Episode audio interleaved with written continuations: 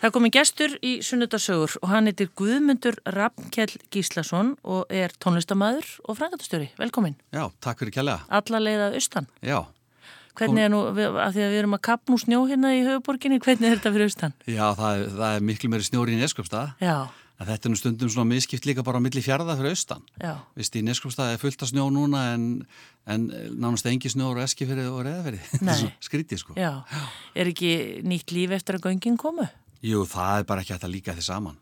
Maður horfir bara lítið á viðfréttir með það sem maður gerði áður. Alltaf að pæli því sko hvort það er fært eða ófært og ég var að vinna lengi á reyðafyrði og maður var endalus bara á veðursíðina að spák.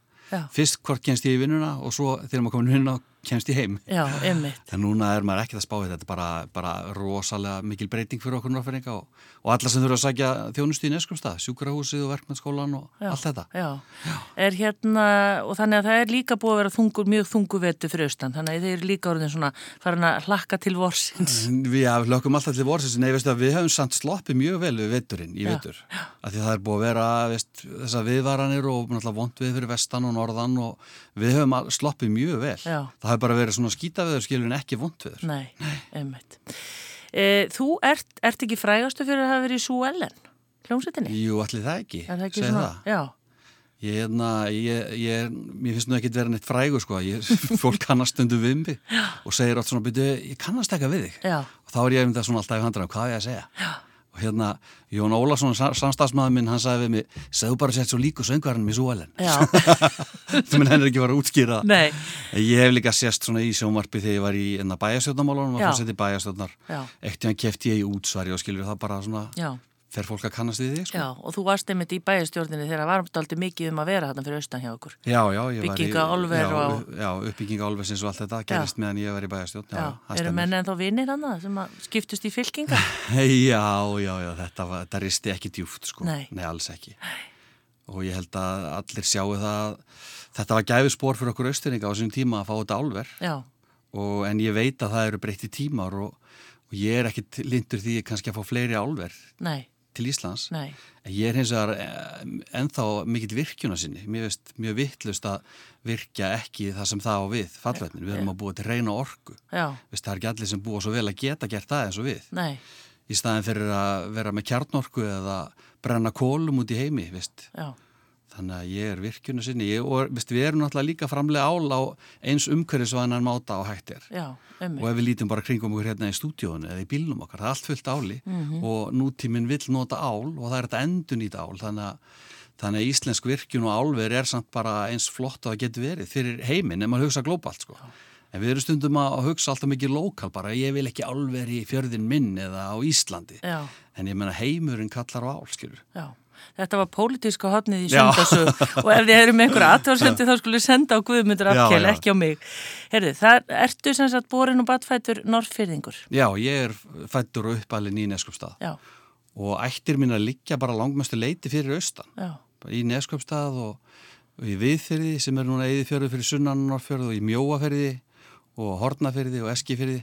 Þetta rætu mínar eru bara mestar þarna fyrir austan. já, og þú ert árgerð hvað? Ég er árgeð 1970, Já, já, já, 950. já, til hamngi með það. Takk fyrir. Og hver eru fóreldraðinir? Já, faðið minn heit Gísli Sigurbergur Gíslason, hann fættu 1939 og lést 2009 og ristilkrabba minni. Það var bara rétt að verða 70-ur. Hann var aldrei góðu tími til að deyja, en það er svona sorglegu tími að deyja þegar að fólk er að hætta að vinna og allar að fara að njóta efri árana. Já, alveg. Þannig að það var, ja, það var mjög sorglegt Já. og leðilegt bara eins og alltaf. En ristilkrabba minn eru náttúrulega ótrúlega algeng og, og fella mjög marga, bæði kalla á konur. Já, einmitt.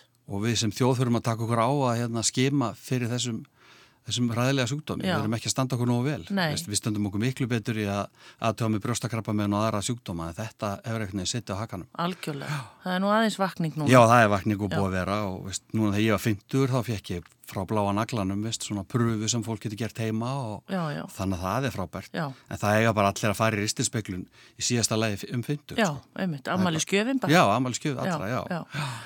Og þetta, já, þetta er sérst pappi, Gísli Beggi kallaður, hafnastjóri og skipstjóri. Og mó, móði minn heitir Guðrún Marja Jóhansdóttir, fætt 44 og hún er sprellifand og hress og býr í Neskjöpstað. Já, já. Og stór sískinahópur eða? Já, svo erum við, eh, við erum, eh, hérna, ég átti sem sagt þrjá albræður, sá yngsti er látin, hann heiti Eilefur, uh, Eilefur Þór, uh, elsti semst albróður minn heiti Jóhann Pjöndur Gíslason og hann býr hérna í Neskupstað með fjölskyldusinni.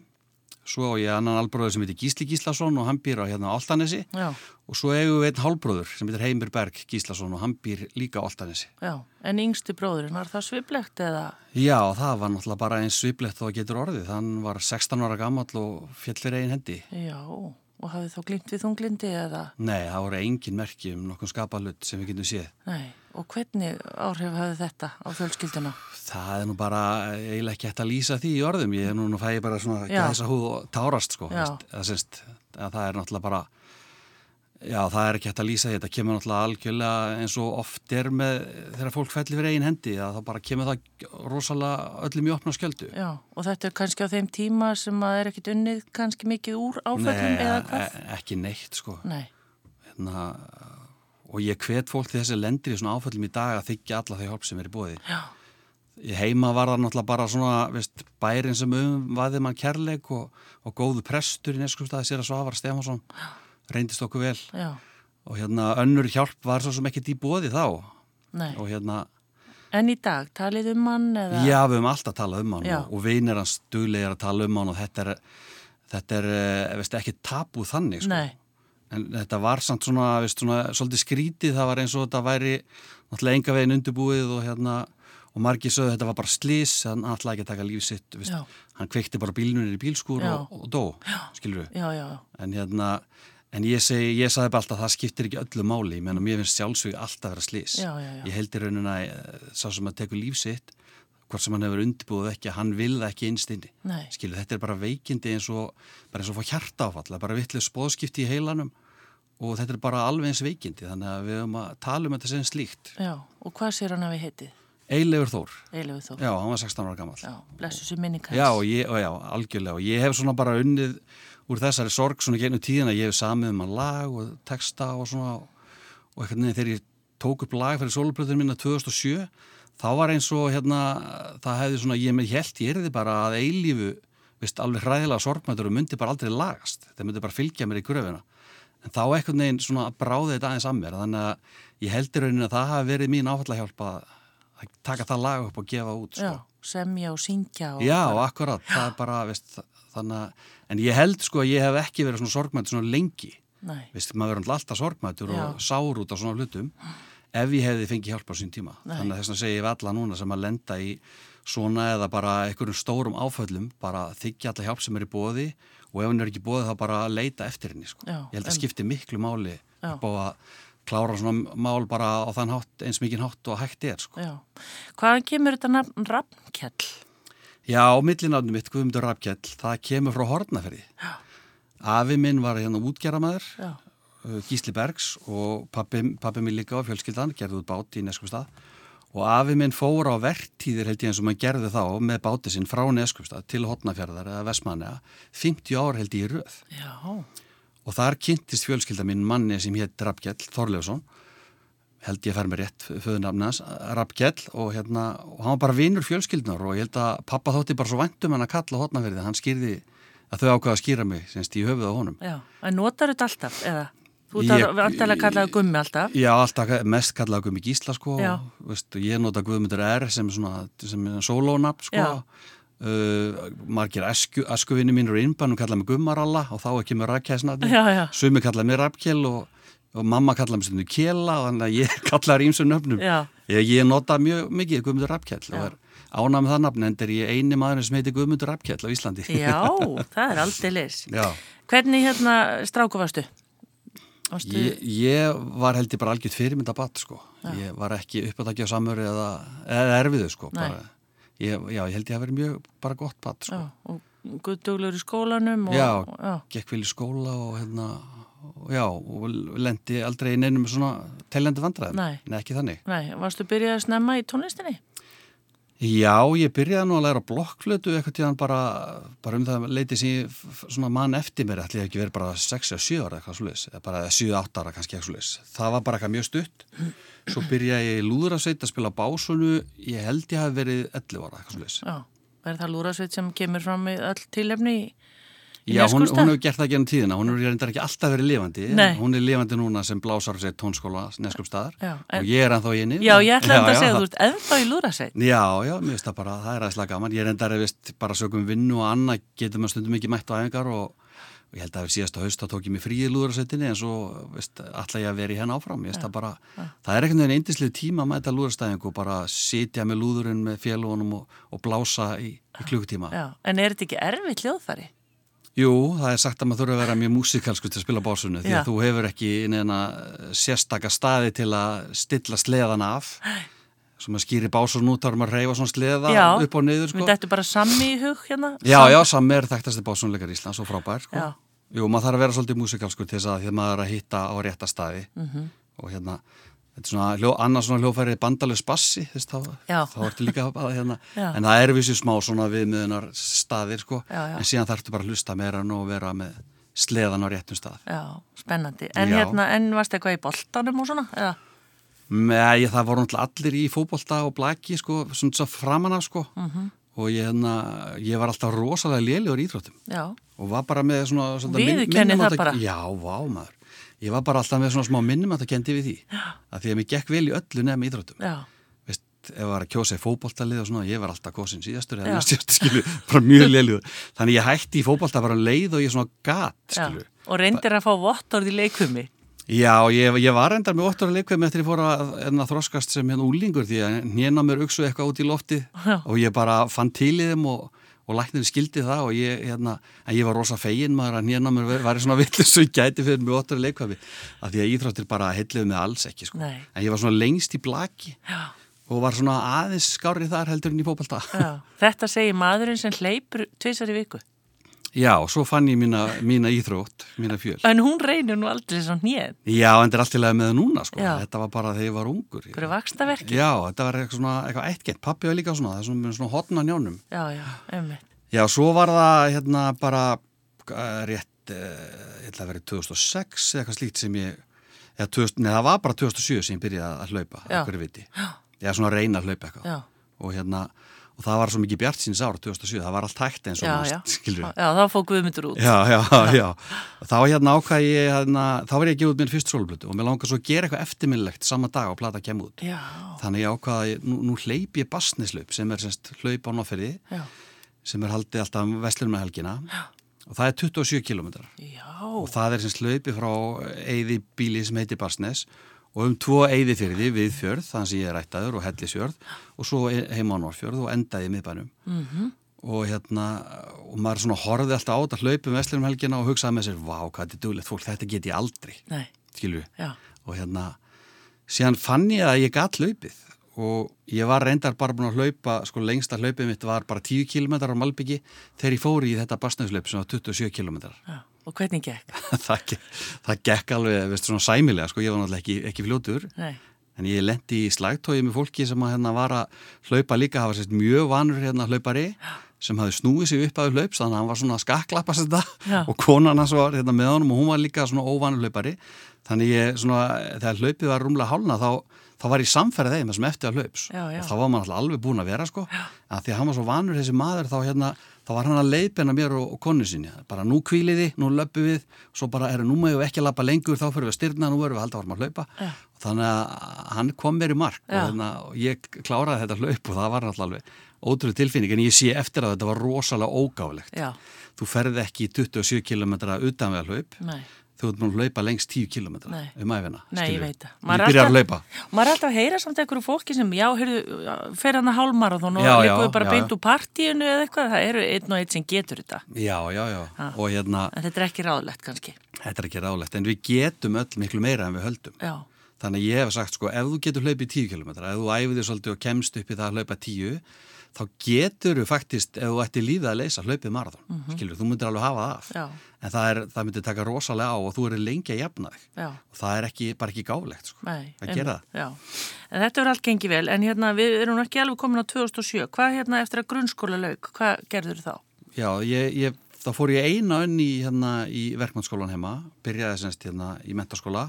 Ég svona pældi ég bara, ég verði eiginlega að byrja í mentaskóla, veist, ef ég hætti núna í skóla, þá er svo óvist að ég haldi áfram. Já. Að því ég hafa komið mikinn svona námsleiða. Já. Tók eina önn í verkmannsskólanum og svo hætti ég bara í skóla og fór að vinna heima á netagerðinni já, og var náttúrulega að sinna tónlistinni já, já.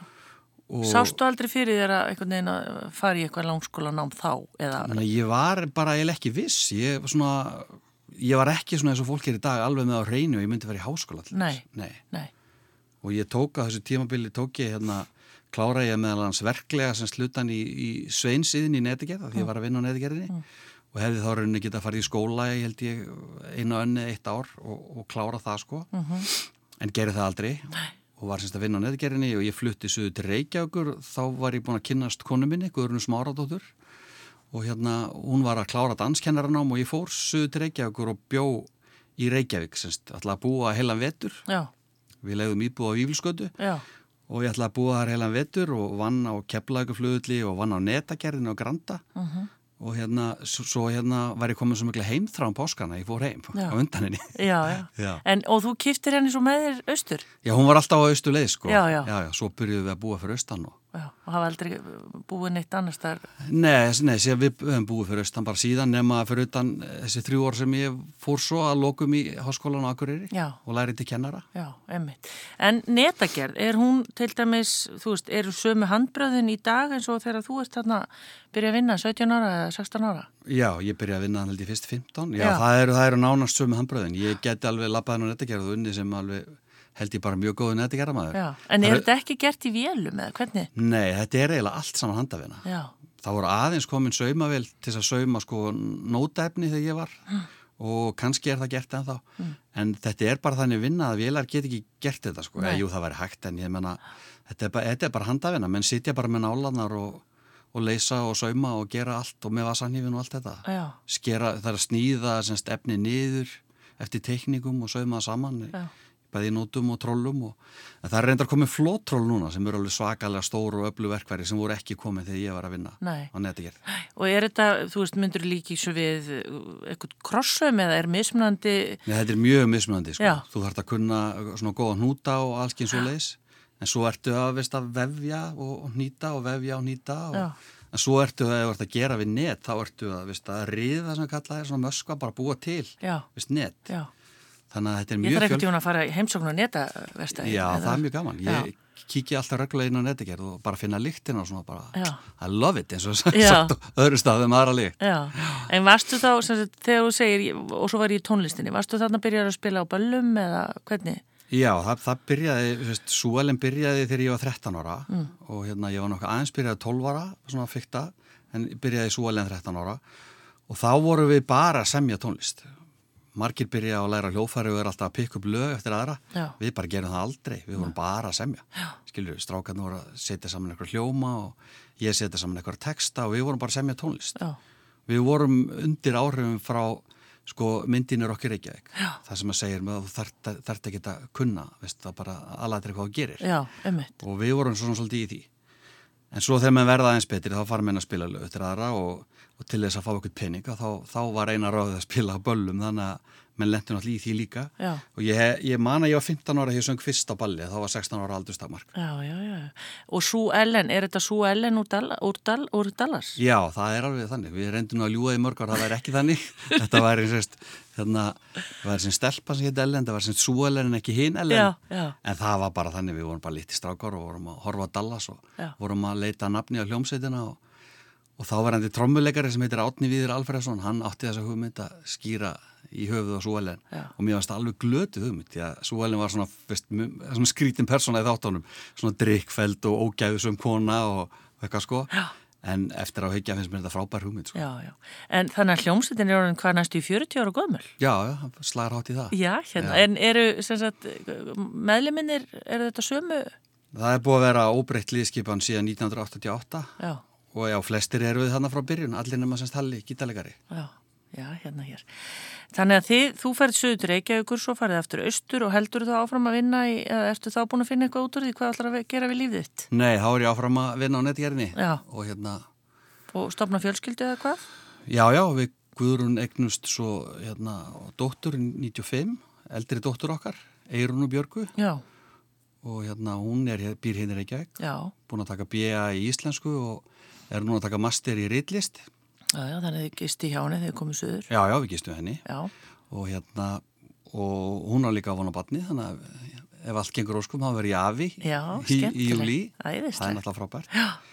og svo hefur við líka yngri dóttur sem heitir Marja Bóel og hún er fætt 2001 já, og hún er að klára stúdent í vor og hún stefnir á tónlistanám Já. í haust söngkona eða? Já, hún söngkona og píónleikari Já, já, og er búin að gefa út eitt lag sem að fólk getur fundið inn á Spotify já, já, sem heitir Alein, mjög flott hjá henni já, gaman að því. En hérna, Já, svo hérna, va- já, var ég að vinna á netiðgerðinni Já. semst eftir að koma austur og, og svo, hérna, svo var það eitt sólríkan dag, bara held ég í águst að hérna, það þyrmdi eitthvað yfir mig. bara Uh, hugsaði með mér, ég, ég get ekki staðið hérna í sólinni inn á netigar það verður svo heittinn á netigamlu netigar þegar sólin skein, ég get ekki staðið hér endalust að sauma net og nú er ég bara að gera eitthvað í þessu og, og ég hugsaði með mér, ég nenn ekki til Reykjavíkur veist, bara, það, ég var búin að vera þar og ég bara fann mig eitthvað neginn ekki, ég er svo mikill dreifbílismæður, já, þannig sem mér, heyrðu það er háskóla akkurir, best að kíkja á hvað er í bóði þar já, og hringdi í háttegin og það voru, þá voru bara í bóði sem sjávarútusbraut, rekstrafæraðbraut og kennaradild.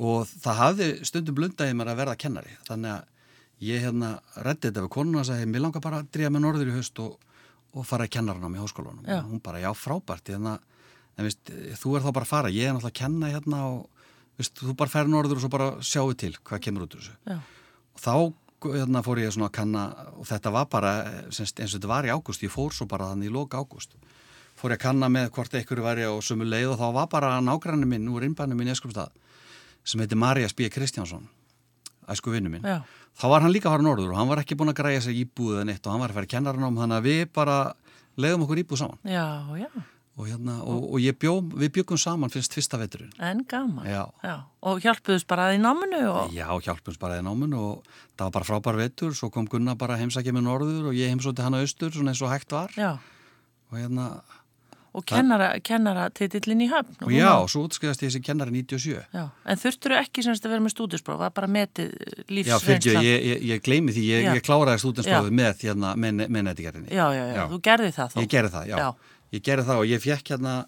ég fekk leifi hjá skólamestararnu sem að þáverandi var, var Einar Már Sigurðarsson sem var síðan þingmaður, Já. samfélkingarnar, að því það var svo mikið vesen að fá frí í mentaskóla, að því ég var svo mikið að vesenast í tónlist Já. og svona aðeins að vinna með líka, þá samt ég við hann um ég fengi að vera utan skóla, þannig að ég var utan skóla alla mentaskóla. Já, já. Hvað, þetta hefur verið höllings, hérna, töfjöður að mæti vinnun og læra kvöldin og... Já, svo, svo var ég ekkit alltaf að vinna, svo var ég líka bara í, í fullu námi líka. Já, já, En af því að, sko, nei, ég spyr af því að sömur komast eða fara bara í háskólan og fá metið Já, bara já, já, það, lífstarfi. það er líka hægt, nei, nei, ég var búin að taka stúdentir Já, sko. já, já. og það var svo, að því ég var nú svo he- heimakær líka þá hérna, var ekki hægt að taka stúdent í verkmyndaskóla Östurlands, Nei. það var sitt verkmyndaskóli og það var bóðið upp á 2-3 ári í bóknámi Mhm. en stúdentsprófið var náttúrulega fjögur, á- fjögur ár þá en hérna við vorum búin að sjá það út að það nokkur með því að velja svona hitt og þetta skilur við, ég var félagsæðabraut og ég valdi svolítið af hérna, áfengum á náttúrfræðabraut meir starffræði og efnafræði og eðlisfræði Hmm. og þeir sem voru raungarnarbraut völdu félagsvæði fög í, hérna, í, í semst, óbundi val Hmm. og þá sáum við það að þetta væri hægt með herkjum að klára þessar einingar sem þyrti til þess að útskaða þessar stúdent heima í neskustaf Hmm. Já, og þetta var svona plott hjá okkur og, og skólastjöndundunum að því þeir vildu fá að útskæða stúdenda Já. að við vorum hann okkur sem kláruðum bara einingarnar okkar Já. og svo bara, ég man ég kláraði um áramót og svo ringdi ég bara í mentamálrænandi heyrðu ég er búið með stúdentin já, Vinna, þið verðið að útskrifa mig já, já. það var bara, nei, verkmyndaskóli Östurlands hefur ekki heimil til að útskrifa Já. svo reist ég við mentamálrænandi eitthvað fram á, fram á vor og þá voru fleiri sem spúni með þessar einingar Já, og það endaði þannig að við fengum semst prófskirtinni frá mentaskólanum og eigistöðum já, já. þar sem ég hef aldrei mætt í tíma Nei. en ég er semst útskrifar frá mentaskólanum og eigistöðum Já, já. og svo tók þetta einhver ára, veist, þetta er bara kerfið að berjast það móti framþróun og Já. skilur það áttu bara að vera svona margir skólar að útskrifa stúdenta og verkmyndaskólin áttu að vera verkmyndaskóli en svo fengum við leifið til þess og hafa útskrifað stúdenta síðan og þaðan útskrifast dótti mín í vor Já, gaman að þessu. Já, Áður en við heyrum hérna lag, uh, Guðmundur Rappkjell Gíslason, segðu mér, fórstu svo að kenna? nei, svo fór ég ekki að kenna og hef aldrei kent það örlögin bara þetta bara eitthvað gerðist þannig ég var, búin að, ég var bara alveg tilbúin í að fara að kenna Já, og hérna var búin að skrifa, ég skrifa lokaritgerð um skólastjórnun að því sem er ég kenni nokkur ár og svo, svo verði ég skólastjórn Já. það var bara, það var markmið hjá mér ég fór aldrei lent með það ég, þegar, þegar að bekkja félagi mínu söðustur í kennarnám þá segist ég verið skólastjórn en síðan gerist það að, hérna, að félagsemilega eigilsbúði neskvistað, það hefði verið engar reikið í nokkur ár semst bærin hafi gefist upp á að reka það og það var prófað að, að hérna, setja í engar rekstur og, og Pall Sigurjánsson sem er núna hótelstjóra á Hótel Kea og Guðmundur Ingvarsson, samstagsmaður minn hjá Sún, þeir ráku semst hérna eigilsbúð og gerðu það að svona, uh, það var bæði náttúrulega svona lítið hótel, félagsemili og, og matsölustæður, með, með pitt 67 og sem bara flotta matseðil og allt, þannig að það er bara svona daglegu rekstur í húsinu. En svo hérna hætta þeir og þá er auglýst, bara bæjastjórnin auglýsir eh, eftir áhásum maðurlum að taka að sér eksturinn. Og ég fekk bara, bara strax áhuga því ég sá að þetta bara lægi svo vel við mér. Ég er náttúrulega með hérna, þekkinguna úr tónlistabransanum og svona taldi mig vita ímislegt um hvernig þetta rekka á svona hús. Og, hérna, en ég hafði enga- ekkert vitað að þau rekka eldús eða semst hérna, já, veit ekki að stað. veitingastað. Þannig ég rætti við Pál Sigurjónsson og, og hann benti mér á mann sem að, eh, væri búin að hafa sambandið hann sem hefði líka áhuga og hefði mikið vitað í hvernig þetta rekka hérna, eldús en hefði ekkit vitað á rekstri að öðru leiti og ekki tónlistarhaldi eða dansleikihaldi eða þýlíku. Þannig ég setti mig í sambandi við þann dreng sem ég kannaðist aðeins við og hann heiti Birgir, Birgir Búarsson og er Já. fræðski fyrir og er læruð maturistumestari og þarna var ég ennþá í skólanum á Akureyri og hann var hérna í Reykjavík og, og við hittumst á leginlegum fundi á Blöndósi Já, já, og bárum sama bækur okkar og, hérna, og ákvaðum að sækja um saman já, og það voru fleiri sem sóttum um og við vorum valdið semst til að taka vegisp og já, já. svo keftum við allan pakkan að palla semst tæki og tól og, og hérna ég gætt slegið lán út á íbúðuna mína og hann gætt fengið ábæraminn og við keftum bara veist, reksturinn og gengum bara beint inn í daglega rekstur sem var alveg á fullu með, með starfsfólki og bara allt sko. já. Og hvar, viðstu, ég hef aldrei komið í Egilsbúð. Nei. Hvar er Egilsbúð? Egilsbúð er í hjarta bæjarins, Já. það er bara í miðbæ Neskjöfstaða og það fer ekki til að milli mála þú keirir inn í Neskjöfstaða. Og er þetta aðal pleysið? Já, þetta er félagsembili bæjarins, Já. Hm. byggt 1962 og ég hef nú komið í flestu félagsembili landsins, Já, já. þetta er með þeim flottari, Já. mjög flott. Og þarna eru haldnar allar Já, ásáttíður. já, og- tán- eh, tónleikar og dansleikir og allt Já. svo leiðis.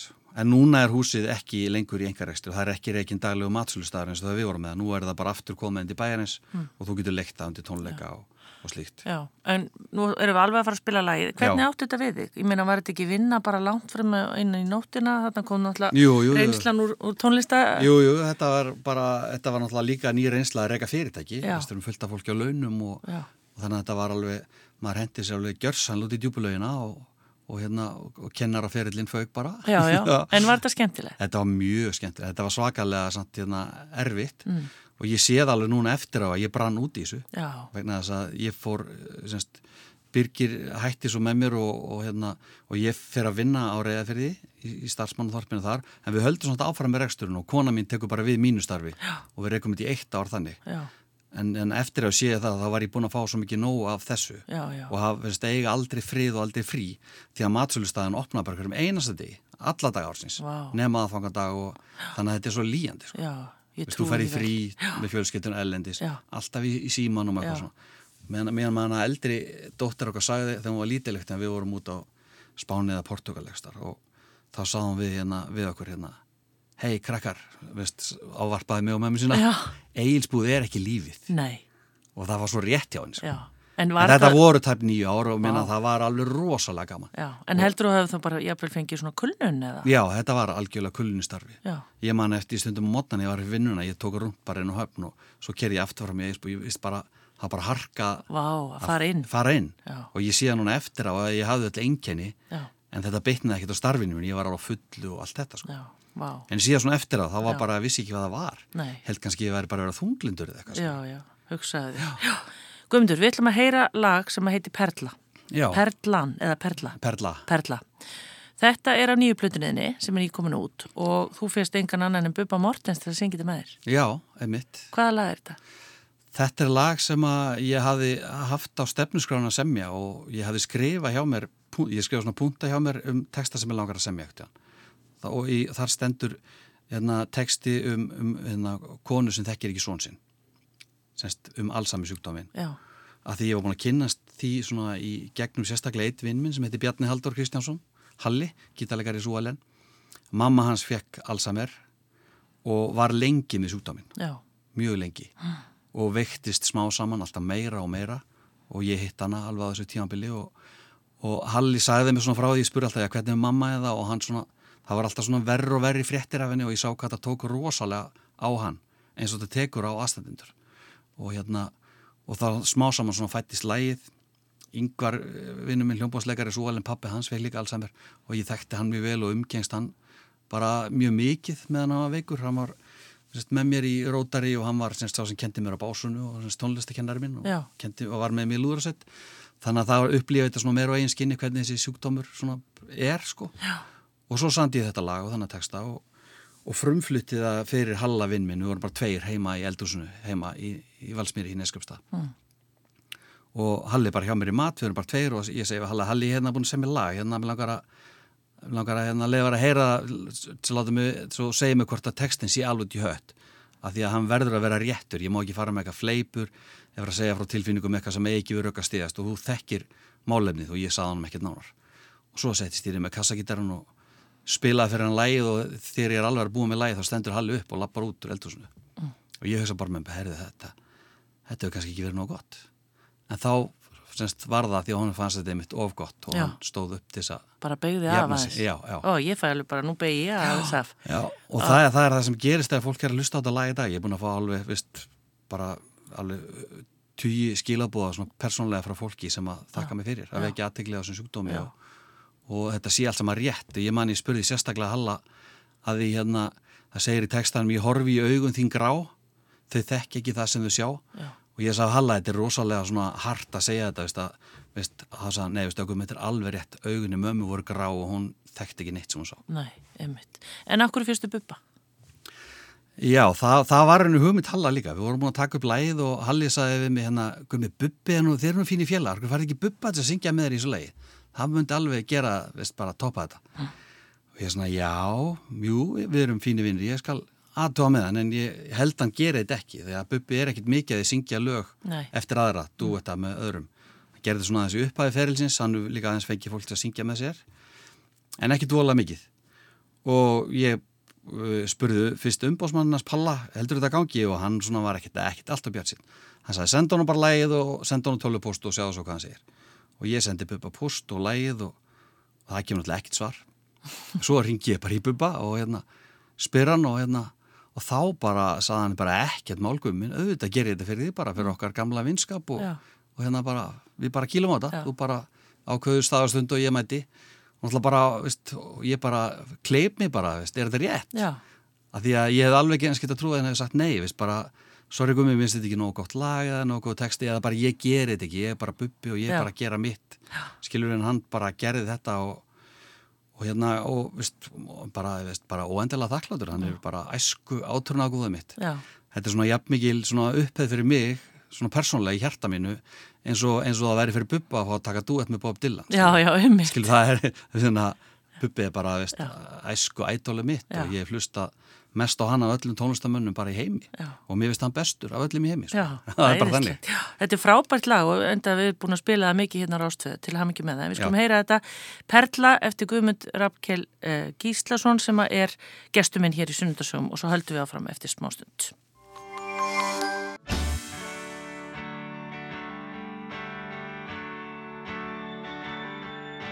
Sitja þau saman í ró Samband sem lifði og dó Nú vonin er horfin á braut Og hvers dagur orðin er þraut Ég horfi í augun þín grá Þau þekkja ekki það sem þau sjá Þinn hugur er flógin á braut Og árin í aldanna skaut Hvar ertu núna á fallegum stað? Fjöllin og fjörðurinn vitna um það Nú tímin er ekki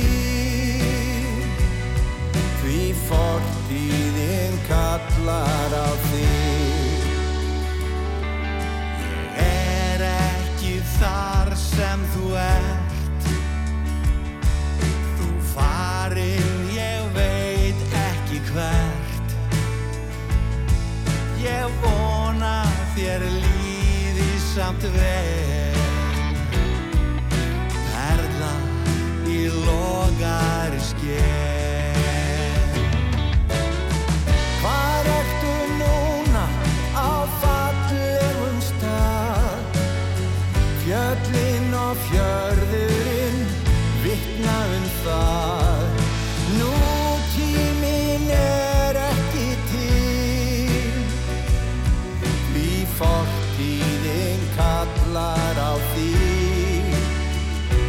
Því fortíðin kallar á því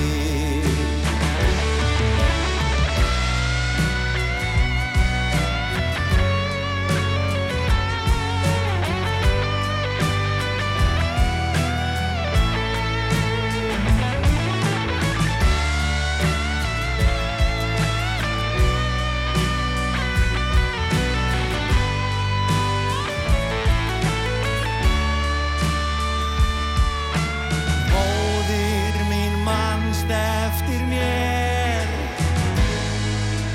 Mikil er ást mín á þér Á stundum er örlíti ljós Þá þekkir þú mig kæra rós Hvar ertu núna á fallegum stað? Fjöllin og fjörðurinn vitna um það. Nú tíminn er ekki til, því fortíðin kallar á því. Þetta var lagi Perla sem að hérna, þeir sungu saman Guðmundur Abgell og Bubbi Mortis. Frábært lag Já, til takk hamingi fyrir með það. þetta og, Takk fyrir kærlega. og ótrúlega fallegu texti og hérna bara mikilvægt að mi- að minna á þetta málefni Mhm. með Alzheimer. Já, það er, finnst mér bara að vera algjör svona ekstra plús þegar maður er tónlistamæður en maður getur vakið aðtekli á þörfu málefni og sami lögum með bóðskap og annars slíkt til þess að fá fólk til þess að vakna og hugsa og, og það var alltaf meðal annars pælingin með þessu lægi Já, þó ég þekki sífitt fleiri sem að hafa, eru aðstandendur og allsammersúklinga besta vinkonu mín í neskustaf misti pappa sem verið stuttu úr þessum sjúkdómi þannig að þetta er alltaf, þetta Já. tengist svo mörgum já, já, og líka bara það er svo mikið af heilbriðstarsfólk í Íslandi sem þekkir þetta já, já. sem hefur sagt mér það, já. bara vá hvað ég tengi við þetta þetta, er bara, þetta, er, þetta er bara veruleikin sem svo margir eru að glíma við Já, en það gerðist svo núna fyrir nokkru dögum að Alzheimer samtökin höfðu samband við mig ég hefði nú alltaf, alltaf að tala við þau þess að láta það bara svona, ekkert vera óta mínu tóta en bara segja að þetta lagar um Alzheimer og, já, og ef þið viljið þá megið þið vist, láta vita því og, Já. en þau voru fyrir til og baða mig um leiði til þess að fá að deila lægin og ég, og ég sagði bara sjálfsögðu gerir bara það sem viljið við lægi til þess að leikurinn gerður en þá bentu þau mér á að það er semst síða sem heitir heilavinnur.is og þar eru samtökin að byggja fólk um að fara inn á þá síðu og skrá sig og það kostar ekki neitt einu sem þú þarfst að gera er að horfa á stutt myndband sem er held ég svona tvær mínútur þar sem er svona skýrt út hvað heilabilun er því það er meira heldur en bara allsammir, það getur verið annars konar heilabilun mhm, það er svona skýrt út svona nána fyrir okkur sem almenni hvernig við eigum að umgangast fólk og breyðast við ef við hittum til þess að ringla fólk í kringlunni já, það getur verið bara fólk sem lifir góðu lífi en svona stettur út aðeins, einmitt, skilurðu. já, Þannig að ég skora núna bara hérna á alla sem eru að hlusta að fara á eftir inn á heilavinnur.is og skrá sig Já. og horfa á þetta myndband og þá er fólk orðið heilavinnur já, og þeir sem búa hérna verið sunna geta svo fengið nælu þessu til staðfinnstingar og eitthvað slíkt. Já. Þannig að, þannig að það væri frábært því að eftir sem að við erum öll betur meðvitið um sjúkdómin, það, þeim mun betra verður fyrir okkur sem þjófélag Mhm. og auðvildara fyrir aðstandendur og þá sem eru með heilabilun að fungera bara í samfélaginu Já. því að sumir eru mjög lengi með eh, heilabilun eða allsamar. já, einmitt. Uh, Guðmundur Abgell, af hverju byrjaður í pólitík? Það var, það var hérna svona fjarða ást ykkur, það var bara ást mín á neskjöpstað og mínu nærumkörri að því að við sem búum út á landi erum, erum eh, bara eh, leitt að segja en við erum alltaf í vörn, Já, skilju við erum alltaf að verja störfin sem er í bænum og, og við erum kannski við erum berjast fyrir því að fá kannski fleiri störf, fá ykkur opinbör störf opinbörun störfum fjölgar á höfuborgarsvæðinu bara, veist, bara endalust sko já, já, já, og hérna, og svo verður allt vittlist ef að færa, veist, fimm störf austur til neskustæðar eða til akkurar eða, skilur við, já, en það er bara ekki neitt af heldinni, sko, Nei. en getur skipt miklu máli fyrir okkur Þannig að ég fór í pólitík uh, út af því að ég, hérna, mér langaði bara svona taka þátt í varnabartun fyrir neskustad. Já. Því ég sá fyrir mér að, Var þetta bara einhvern veginn að lognast svolítið út hana eða hvað? á þessum nei, tíma? nei, alls ekki sko, það var svakalega, s- hérna, Byrjarurinn í uppbyggingunni, í pólitíkinni. nei, þetta er löngu áður. Já. Sko. Álverið er bara fjallega og draumur þegar ég byrja Já. í pólitík 1990. Já, en hvað er þá í, í, svona, í gangi í Þá er sko samfélaginu? neskustad bara sér sveitafélag, Já. ekki búið að saminast. Já, En að Eskifjörur reyðfyrir sem var fyrsta samenningin, Já. hún kemur semst átt árun setna eftir ég byrja. já, já, já. Þannig að en, en þessi máli eru meðal annars og svo er það bara, veist, Allir að flytja í burtu kannski. eða? Já, það er bara, já, já, það var, veist, na, það var nú erfitt skeið á þessu tíðanbili, gekk ekki vel í sjávarúdeginum og annað slíkt, Já. sko. En það, það er náttúrulega lagast allt saman. En það var hann vörunni þannig að ég var semst hérna, var beðin um að taka þátt í prófkjöri fyrir alltíðbandalæðin, sko, stað. Já, Og ég var svo ópólitísku svona flokkslega séð. Ég, veist, var, var ekkert búin að pæli í því hvort ég væri sjálfstæðismæður eða, Nei. eða alltíðbandalæðismæður. Bara, það var bara algjörlega fjarrri mér. Ég var bara í tónlist og eitthvað svona. En í alltíðbandalæðinni neskustaf á þessum tíma voru menn sem ég leitt mjög mikið upp til.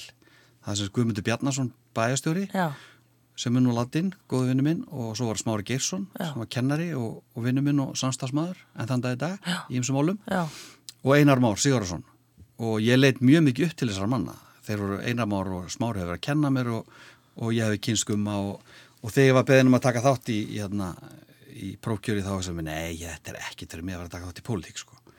en eh, hann þrýsti mjög mikið á mig vinnu minn Ágúst Ármann sem var tónskólastjóri í Neskjöpstað og samstagsmaður minn í tónlistinni og hann var rosalega lúmskur, hann er blá búin að beða mig um að hugsa málið já. og sagði svo ég ringi svo í þig og hérna og þú- þú segir þá já og ég sagði að ég sé til, ég var svona var ekki, al ekki alveg á því að gera þetta sko. Svo ringir hann í mig svona, eldsnæma sundarsmótni, vissi það að ég hérna, vildi alltaf sofa út sko, Já. þekktu fyrir það að sofa mikið og lengi, Þau sem kom síðar í ljós og var kannski kæðisöfn að kenna sko, Já. en ég var bara veist, alltaf sofandi sko, ef ég gatt og hérna, og hann er náttúrulega mjög sniður, hann ringir semst, í- heim til mín, heim til okkar Gunnu eldsnæma á sundarsmótni og segist vilja að fá mig í síman og Gunnar svarar og segir ég sé bara steinsóðandi, hann skilur bara ringja eftir þetta hátti. Já. Nei, nei, hann, hann segir ég, ég verð að tala við einhverjum að, farðu til hans og segðu honum að, hérna, að ég þurfa að tala við hann en ef hann segir já þá þurfa hann ekki að tala við mig Já. en ef hann segir nei þá verð ég að tala við hann og Gunnar vakti mig, herri þetta er ekki og hann hérna, hann segir eitthvað, ef þú segir já þá getur haldið að fara með að sofa en ef þú segir nei þá þurfa hann að tala við þig Já. og ég bara, "Já, ok, segðu já, Já. Ég held að hann svo, og þar með var ég komin í pólitík Ok, og þá komin á lista bara, varstu þá aftarlega á listanum eða? Í, Ég, ég lendi í, ég lendi í, hérna, í fintasæti í prókjörinu já, sem hefði þýtt sko bæjastjórnarsæti, aðal bæjafulltrúi, Já. en sett vegna kynjakvóta var mér þokað tveim sætum aftar já, já, já, já. og það var bara eins og er oft í dag að vera að stilla upp jafnt konum og köllum og, og allt í bandalæði var mjög jafnbreytti sinnað og, Já. og ég bara skildi það vel enda hugsa mér, ég hef ekkert að gera sem aðal bæjafulltrúi strax og var, var, var að bæjafulltrúi Já, já. Og þarna er í rauninu grunninu svolítið lagður að þínu pólitíska ferli. Já. Og svo smá sem að verða maður aðalbæja fulltrúi og svo enda ég semst, eftir alla þessar saminningar kjörtíðanbilið 2006-2010 sem fórseti bæjastjónar. Já, og er þetta ekki svona, hvernig er að vera í svona einhvern veginn fættur inn í þetta samfélag og þurfa stundum að taka á erfiðum og flóknumálum og svona, er þetta ekki pínu erfitt svona? Jú, þetta getur, þetta getur verið mjög erfitt Já. og ég man sérstaklega þegar ég var að byrja að það voru stundum svona einhver átakamál og ég man bara eftir eh, nóttum þessum ég svaf ekki, Já. þess áhugjum, Já. það er svona skilur við maður þurft að fara að greiða atkvæði daginn eftir Já. og maður vissi kannski jafnvel að það voru vinnum hans eða Einmitt. einhverju við stýtt í samfélaginu Já. sem eru ekki sáttir við, við hvernig maður myndi greiða atkvæði. Nei, Þannig að þetta tók oft á og ég er svona hörundsár sko, ég viðkjörn það alveg. já. Og þess vegna spurði ég því upphafi, að- til dæmis í varandi álverið, af því að það gekk alveg svakalega mikið á og það var alltaf í fréttum og menn voru ósómála og alls konar. Já, já, já, alveg þjóðin skiptist í fylkingar og líka Já. austferningar sko. Já.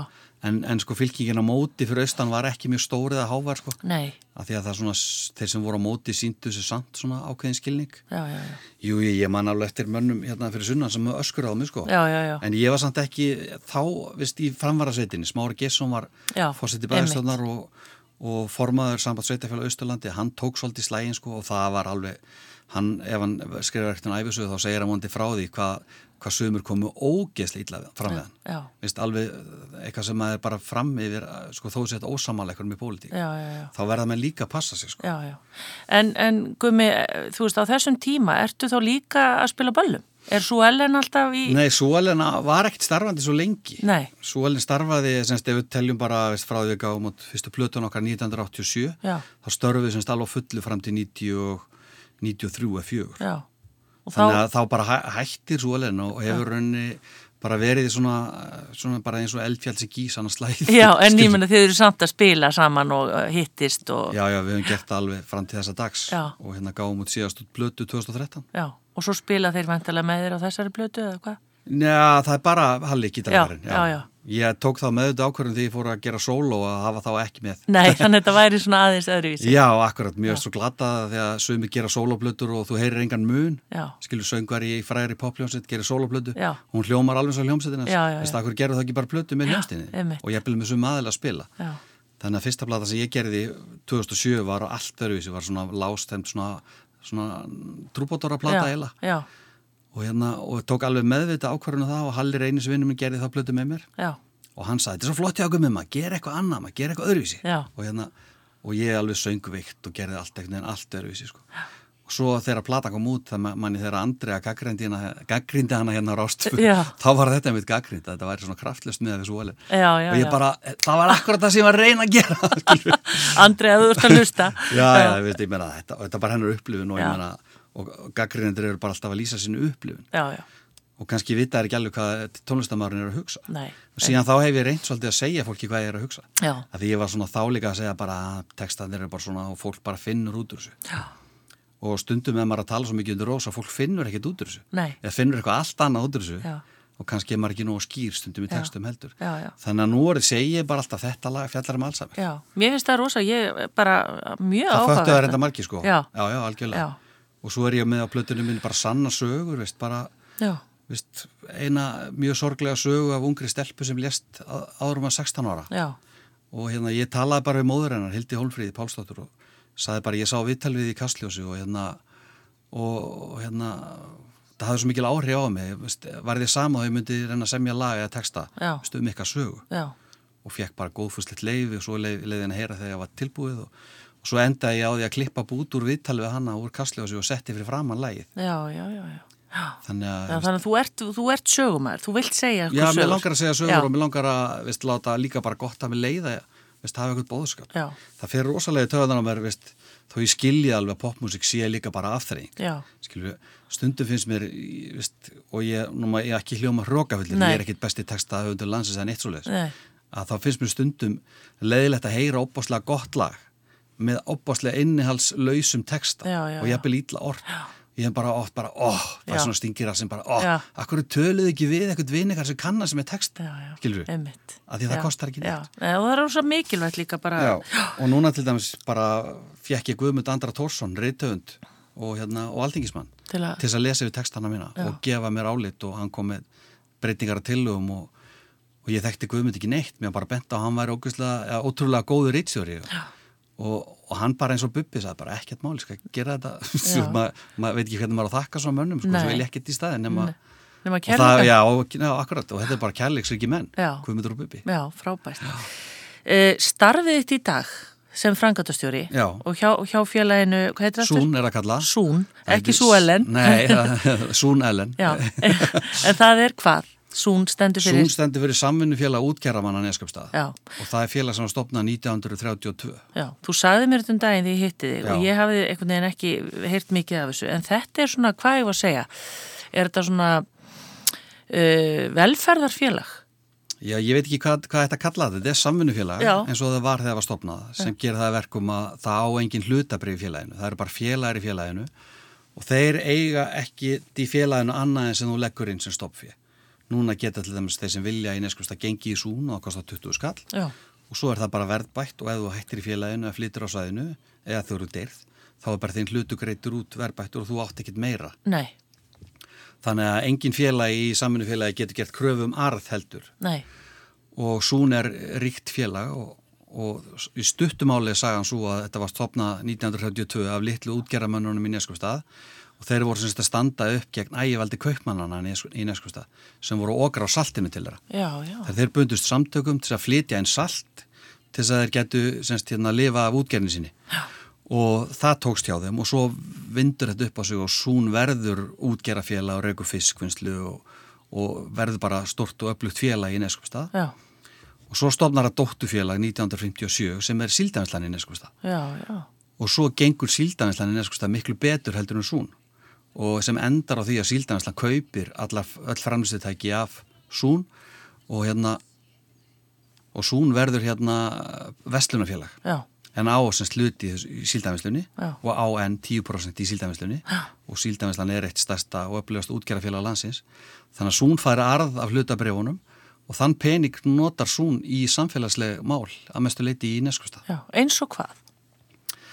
Það er alveg óteljandi mál sko, sko Sún rekur tvær vestlanir semst fjaraðsport í neskustaf og veiðiflugun á reyðafyrði svo erum við svona með ymsa þjónustu, við erum umbóð fyrir TM og Ólís og ymslegt þannig Já. að við erum svona í ymsu Já, með byggingafélagi, við höfum byggt íbúðir og, og svo erum við með menningar og, og hérna, viðkenningarsjóð þar sem við deilum út peningum á hverju ári til íþróttafélaga, til, Já. til, eh, til menningamálefna, til allskyns bara þjóðþrefa mála í neskustad Já. og höfum verið að styrkja veist, sveitafélagi til þess að klæða félagsamilið, veist, það var í hittifera já, já, já, 80 miljónir og Sún gaf bænum st- stóra rennibreytu við sundlaugina sem kostu veist, eitthvað 10 miljóna já, og við höfum líka verið að hjálpa ríkinu veist, við höfum verið að gefa tæki á spítalan veist, sem nýtist öllum austurðingum og við tókum höndum saman með síldafinslunni og, og fjardabið og, og hjálpum ríkinu að malbygga flugvöllin já, já, já. skilur við, þannig að En eru sambærileg fjölu til um landa allt eða eru þetta algjört einstæmi eða hvernig er þetta? ég, sko, ég held að þetta er algjörð einstæmi þannig séð Já, en KEA er til dæmis ennþá til á Já, Akureyri já, já. og það er líka saminfélag Já.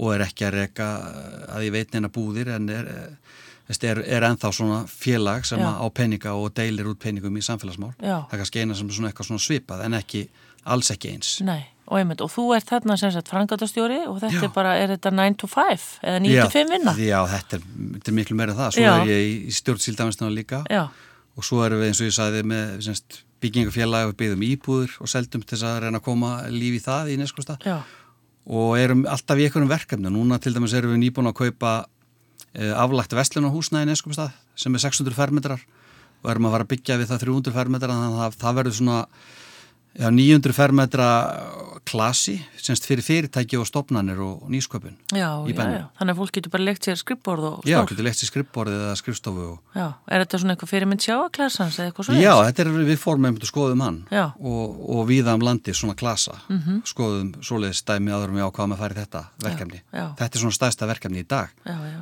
Svo erum við líka að byggja útsýnispall út að vita sem verður bara fyrir ferðamenn og, Já. og, og alla sem Vá. vilja njóta. já. Þannig að við erum að gera ýmislegt. Já, já, já, já.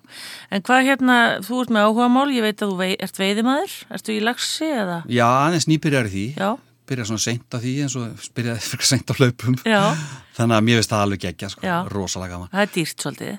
Já, það kostar aðeins, sko. Já. Það er samt alveg hægt að veiða ódýrt líka eins og Já. til dæmis heima bara í Norrfjara á. Það kostar ekki mikið, Nei. frábær silungsá. Já, og hérna þannig að veist, og það bara veist, þegar ég var lítill veist, í Neskustad þá voru við strákanir alveg rosalega mikið inn á bryggju að veiða já, og þegar frændur mínir komu í, í heimsók til Neskustad á sömbrinn þá var bara það var, var hlaupi beintni á bryggju að veiða já, ummi. þannig að maður var rosalega mikið að veiða veist, bæði með færi og með veiðustöng veist, undir bryggjónum og allavega Mm. Já, en nú er það flugan. Já, ég, ekki það voru mjög góður á fluguna en svona fluga og spútn og maðkur og bara Já, allt já. sem að dugar sko. Já. En bara þegar ég byrjaði, ég held ég að bara byrjaði, eh, veit, veitið mér fyrsta lags held ég fyrir þreymur, þreymur að fjórum árum, þá bara gaus upp í mér þessi gamla til, Já. æsku tilfinning. Spennan. Já, hvað þetta er gaman, Já. þetta er alveg æðislegt. En hvað fleira? Ertu svo, þú náttúrulega bara hlýtur að sinna tónlistin, er þetta ekki alltaf að spila á gítarinn bara? Jú, svo sinni ég tónlistinni og... og af því Spilar að- í lúrasveitinni? og- spilaði lúrasveitinni og að því að myndist á það áðan að því að Súelens starfaði ekki lengi en þá var ég alltaf í dansljónsið fyrir austan Já, já, já, með Águsti Ármann sem var skólastjóri tónskólans Já. sem að var því miður brákvætur bara 61 árs gamall já, góður, góður vinnur og góður vinnur og hérna, ég var alltaf með honum í dansljónsitt og hann var svona mentorum minn í tónlist Já, já, já. 20 árum eldri en ég og kendi mér svo mikið þannig að við vorum þannig að þá var svolinn hefði ekki verið spilandi og maður hefði kannski ekki verið mjög áberandi í tónlistina og landsmæli hverja, þá vorum við alltaf að spila fyrir austan já, já, já. og með líka tónlistaklúbi í Neskopstað sem heitir Blues, Rock og Jazzklúburinn á Nesi Já, já, já. Skamstaða Brján já. og við byrjuðum hann upp úr 90 að setja upp svona síningar eins og Gunni Þórðar var að gera á brotti Já, skilur, einmitt, já, sem við köllum rockveslur og þetta var sett upp á hverju hösti og oft sínt mörgu sínum í eigilsbúð og, og við fórum söður á brotti og síndum fyrir austenninga og brottluta Já. og, og einsundi færi og svona þannig að Já, Þannig að þú hefur í rauninni alltaf verið í tónlist. Þú hefur í já, rauninni ég hef aldrei, aldrei hægt sko. Já. En ertu í dag að spila í danslúsið eða? Nei, ég í dag er ég ekki að spila Nei. dansljóðsitt hún eiginlega lognaðist út af þegar, þegar Ágúst dó Já, ég er svona einstakasinnum kallaði til, til að, og ofta segi nei ég, ég, mér finnst ekkert minn tími vera liðin að syngja á heilu balli sko, eða semst bara á að syngja á dansleikjum já, ég hef svona tekið eitt ball á ári á smiðjuhátti og segisveri það er bara þegar það er svo fyndi og skemmtilegt ball það er Já. nú bryggju í tjaldi, já, já. svona já. lítið Já, já, já. og já. hérna, en, en stundu kemur fram sem gestur á bölm sín, kannski fjögulegu eða eitthvað Já, já, já. en ég hef bara miklu meira gaman að spila á tónleikum í dag Já, og ertu, eins og til mér þessi nýja plata, ertu búin að fylgja henni eitthvað eftir eða? Nei, ekki neitt eða þá. Það var reyndar en síðustu helgi tónlistarhátti í Neskjöpstaðs sem er ný og heitir Köld og þar var ég heiðuslistamæður Já, og já. hvað heiðra mig fyrir ferilin Já, já. sem ég fannst svona pínu andraðlegt en hugsað með mér ég bara stundum án bara að segja takk og vera Já, bara þakklandur já. og, sem ég og gerði já. þannig að það voru tónleikar svona mér til heiðus þar sem aðri sungu lög sem ég hef sungið Mhm. og ég söng nokkuð lög þá Já, já, og það var svona byrjun og að fylgja plötun eftir já, já. og svo ætla ég að fylgja henni eitthvað eftir ég er bara ekki búin að ákveða það, ég ákvað bara að taka eitt skrif í einu fyrst Já. er bara að koma plötun út og reyna að fá hann að spila það, selja hana og allt þetta, Já. svo kemur hitt bara setna Ömmit.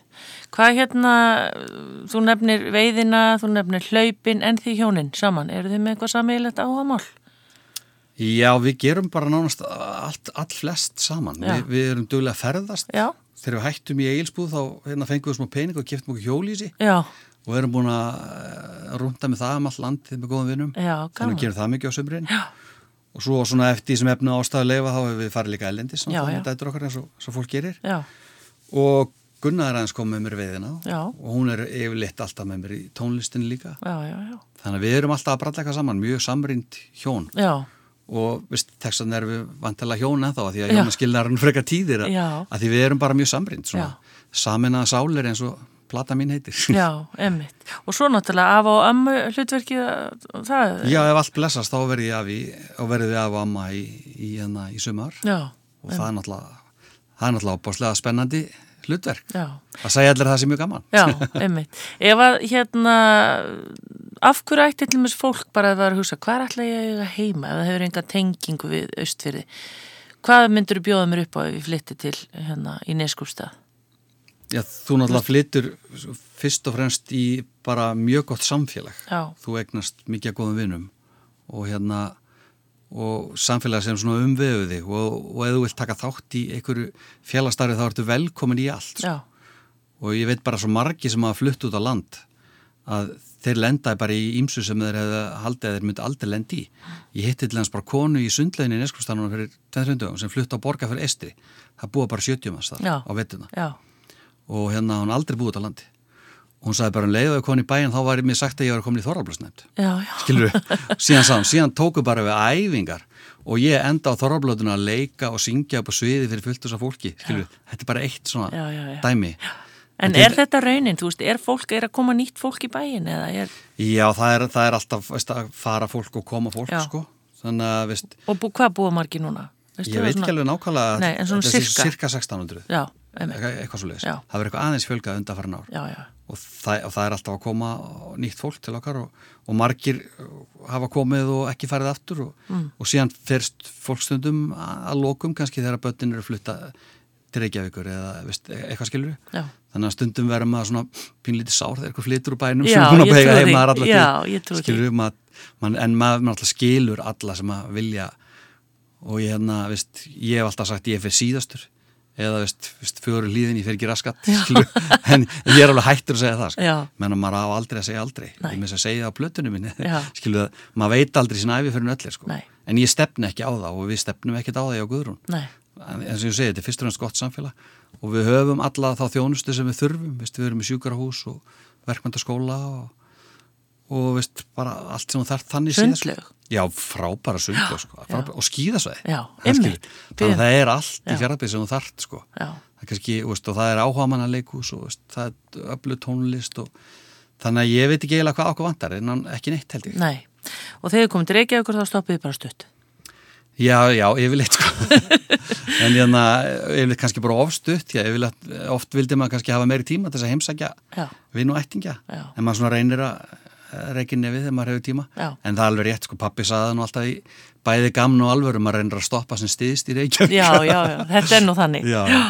Guðmundur Apkell Gíslason, við ætlum að enda þetta á lægi með Sú Ellen Já. Hvaða lag ætlar að lega okkur að heyra? Já, það er lagið Elísa Já. sem kom út 1988. Við sem skáum út plötu 87 sem var fjara laga og þetta lag átt að vera á henni. En síðan vorum við einhverju baksi með upptökuðan á þessu lagi og hérna, þannig að það var ekki á fyrstu plötunni. En þar var lagið Simon Lassin sem að varð, varð frekt á sínum tíma og Elísa var ekki með. En svo var Elísa gefin út á sapplötu á vöðum Steinarsberg 1988. Mm. Og það er svolítið fyndi vegna þess að ég segja þetta svo ég oft sagan um það að menni ekki gefast upp vegna þess að við sendum Steinar í Berg lægið 1986 Já, og þá hafði hann ekki áhuga á Elísu Nei. eða hinu lögunum sem við sendum honum og svo bara við tví eldum bara hann hefur ekki dvita á þessu, hann og Pétur Kristjáns bara, Já. við bara gefum plötunum sjálfur og svo gekk það bara þokkala vel og þá sendum við þeim la- þetta lag og fleiri og þá höfðu þeir áhuga á Elísu og gáfu það lag út og Steinar Berg eh, valdi saman lög eftir semst, uh, ferli sinni eða semst með lögum skal landbyggja heiti diskurinn og Já. valdi þetta sem eitt af þeim lögum sem að hann er vantalega ánað með að hafa gefið út á sínu ferli og mér þáttu óvandalega vænt um það já, og gott að það kom ekki út af plötunni þá hefði það fallið í skuggan á Simóni hann kom út sem sér lag og, og hefur þess að lifað góðu lífi já, og ég held að, plat, að útgáfana sem er á plötunni sem þriðja eða fjórða útgáfana af Elísu við vorum aldrei ánaðið með það small eitthvað neginn ekki já, já en svo tókst það að lókum Já, frábært lag. Við ætlum að enda þetta á þessu fína lagi með Sú Ellen, Elísu, Guðmundur Apkell Gíslason. Takk fyrir komina í sundarsugur og gangið vel. Takk fyrir kjalla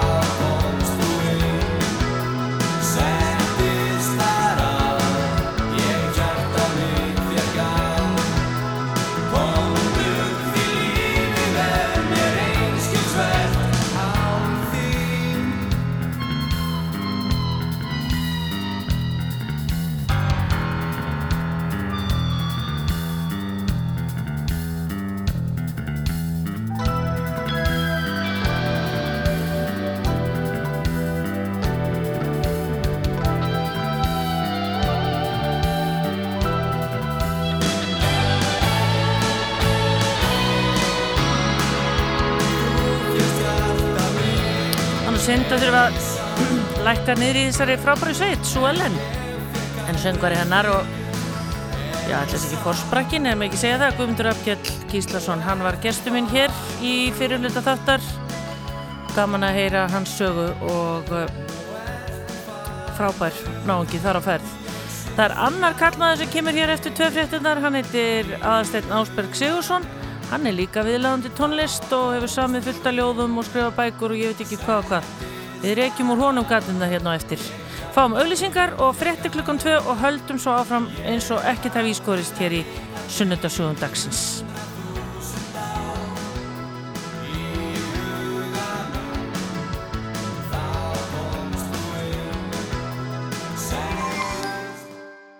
Ways. og það er komin gestur í hljóðstofu og hann er dyr aðasteinn Ásberg Sigursson velkomin. Takk fyrir.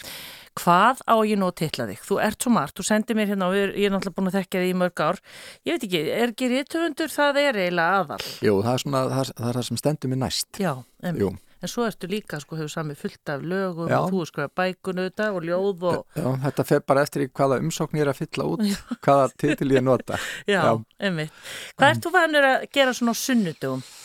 Alli, má ég kalla það já, alla? já, já, þú mátt alveg kalla mig það. já, Það er eitt af gælunöfnunum mínum. Já. Ég gengur til mörgum nöfnum, sko. já, En á, á sunnudöfum, já, það er ó- mér finnst gott, sko, ef ég þarf ekki að, að sinna mörgu. Ég er alltaf að reyna að, sko, eiga frí og mér gengur stundum illa já, og hérna og, eh, en mér tókst það samt sem áður í dag áður en ég kom hingað sko og þá hérna hugsa ég bara "Já, ég ætla ekki að gera neitt bara svona hanga einhvern veginn og fletta blöðunum og, og svona eitthvað lítið og lesa kannski aðeins já, það er svona ágættur sundarsmorgun og eh, en svo fór ég óvart að vinna aðeins í þýðingu sem ég er að vinna í svona ég höfði aðeins að nota hálftími það já, já, en annars, annars er, eru sundar svona svolítið ég vil eiginlega halda þeim svolítið bara þannig að ég sé ekki gera mikið já, emmitt. Og eru svona hefðir, lambalærið og... Nei, nei, nei, Nei, nei, nei, alls ekkert ekki, nei, við bara það er einhvern veginn eh, svolítið löst við hefðirna sko, það er bara hérna, þa- þannig. Já, ef að Já. stemningin er svo, þá er Já, það gert. þá er það hægt sko, já, já, og við, og við tökum það svona svolítið bara heima hérna, langar okkur ekki á gott í kvöld eða hvað, hvað á að vera í matinn í kvöld, það Já. er svona, já, Já. Alli, þú ert að norðan, það er náttúrulega myndi bara heyrast. Eh, Framburðurinn Eh, er þannig. hann, já, að, að sumuleiti en ekki alltaf, af því Nei. að ég er búin að búa svo mörg ár í Reykjavík að hérna, ég, hef, ég tala ekki þessa hörðu norlensku sem ég talaði þegar ég var ungur maður þegar ég kom til Reykjavíku fyrst Já, og svo fekk ég eiginlega líka sko, ég, já, á, í gamla dag var ég að læra leiklist og þá fe- var manni svona sagt að mjög pent þú þarft ekki að hrækja út úr þér orðunum þannig að allir heyri nákvæmlega hvaðan þú ert bara aðeins svona fínt að, að tala skýrt já, en, og svona, já já, þannig ég fór svona aðeins að hugsa um það ég ætlaði ekki, að það þyrfti ekki að heyrast nei, einmitt. En þú ert sem sagt fættur á Húsavík. Ég fættur á Húsavík, já, og átti heima þar fyrstu árin mín og, og hérna var svona enga barn móður minnar Já.